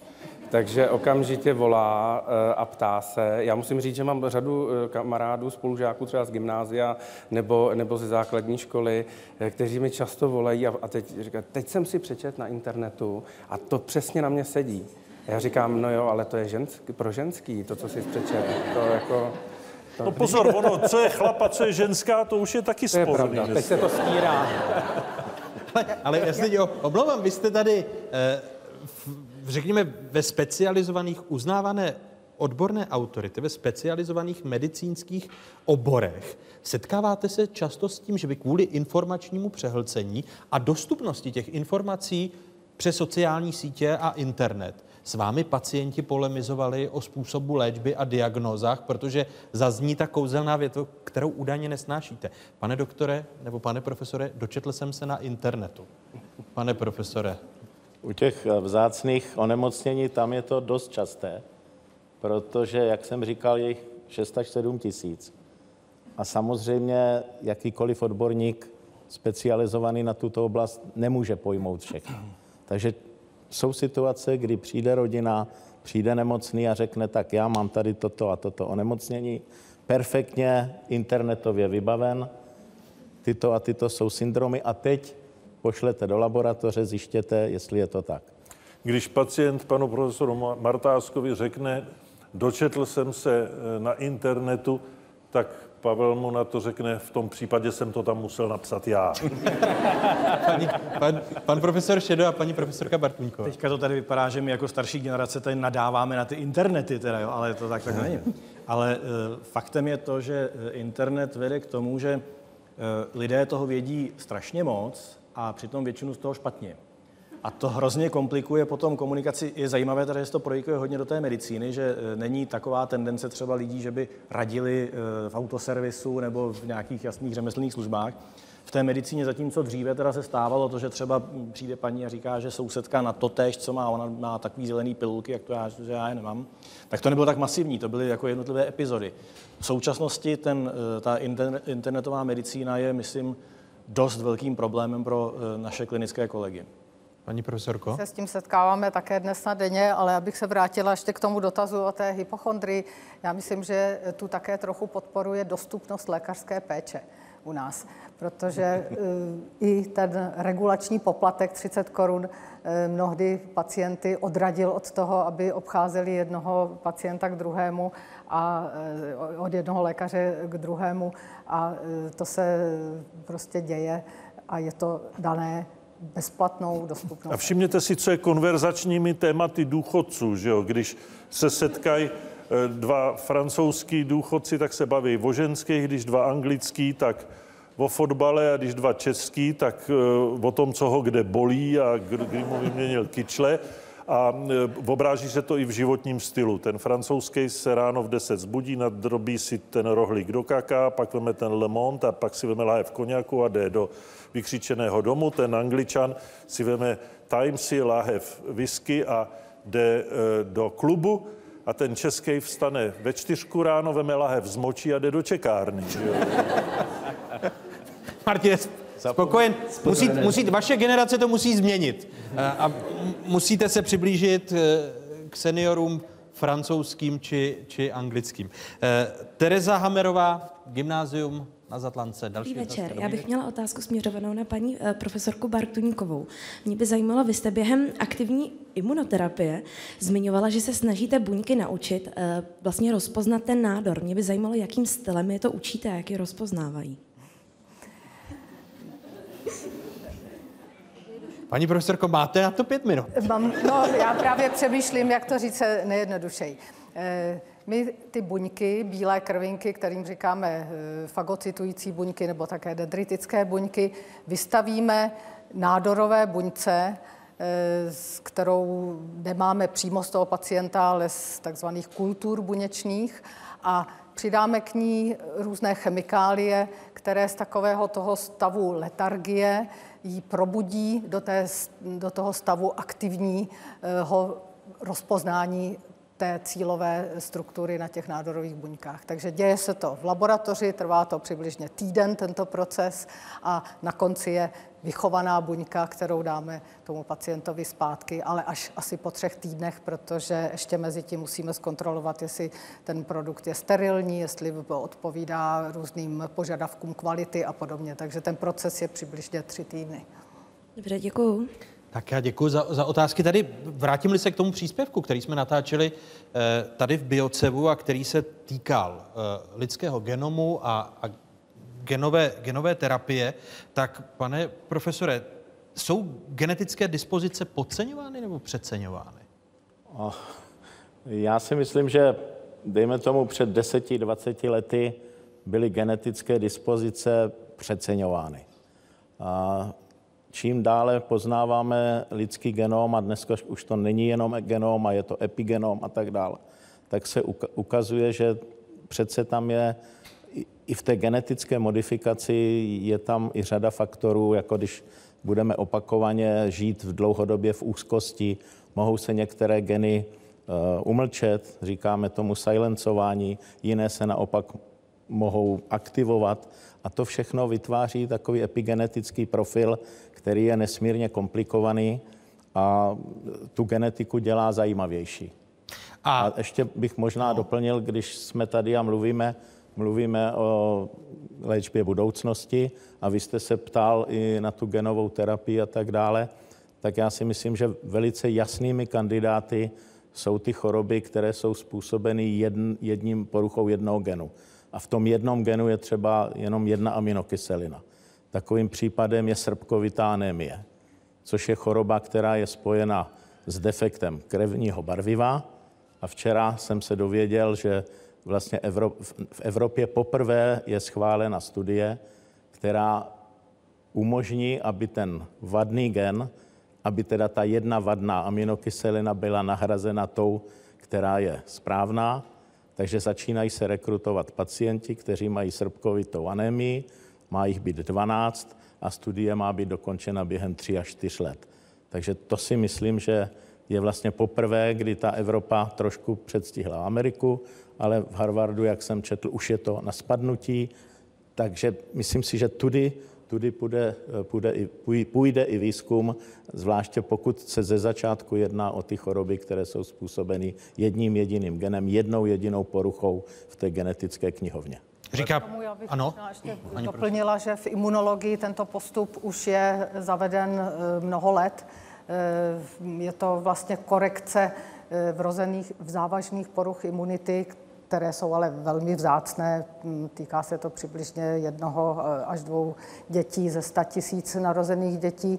A tam, když eh, opravdu víme, který ten gen je špatný, tak eh, ta genová terapie už je 10 let dostupná pro tyto, pro tyto pacienty. Ne u nás v republice, protože je to velmi, u nás velmi vzácné onemocnění a nemá v úvozovkách cenu být celý ten aparát, který ty pacienty eh, nebo ty buňky procesuje. Ale u nás je ta situace jednodušší v tom, že tam stačí opravit ten gen v kmenové buňce krvetvorby a on potom vlastně koriguje celou tu imunitní eh, řadu buněk.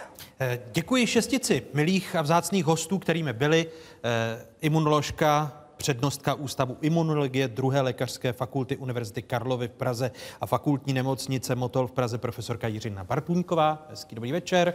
Děkuji Dále Pavlu Martáskovi, profesoru, který je lékařem, ředitelem výzkumného centra Biocev, ze kterého jsme vysílali dnešní fokus. Děkuji. Řediteli Národního ústavu duševního zdraví profesoru Cyrilu Hešlovi. Děkuji vám. Mé pozvání přijali i onkolog a biochemik, děkan první lékařské fakulty Univerzity Karlovy, profesor Alexi Šedo. Děkuji i epileptologovi, neurovědci z Fyziologického ústavu Akademie věd České republiky docentu Jakubu Otáhalovi. Děkuji. A naším hostem byla i neuroložka z Neurologické kliniky první lékařské fakulty Univerzity Karlovy, profesorka Eva Kubala-Havardová. Děkuji vám. Děkuji vám, skvělému publiku. Dnes tady s námi v Biocevu byli studentky a studenti Vyšší odborné školy zdravotnické a střední zdravotnické školy 5. května v Praze, Pražského gymnázia na Zatlance, Univerzity třetího věku i zaměstnanci eh, výzkumného centra Biocev. Děkuji vám všem za příjemný a zajímavý večer a těším se někdy příště ve Fokusu na shledanou. Děkuji. Děkuji vám, divákům.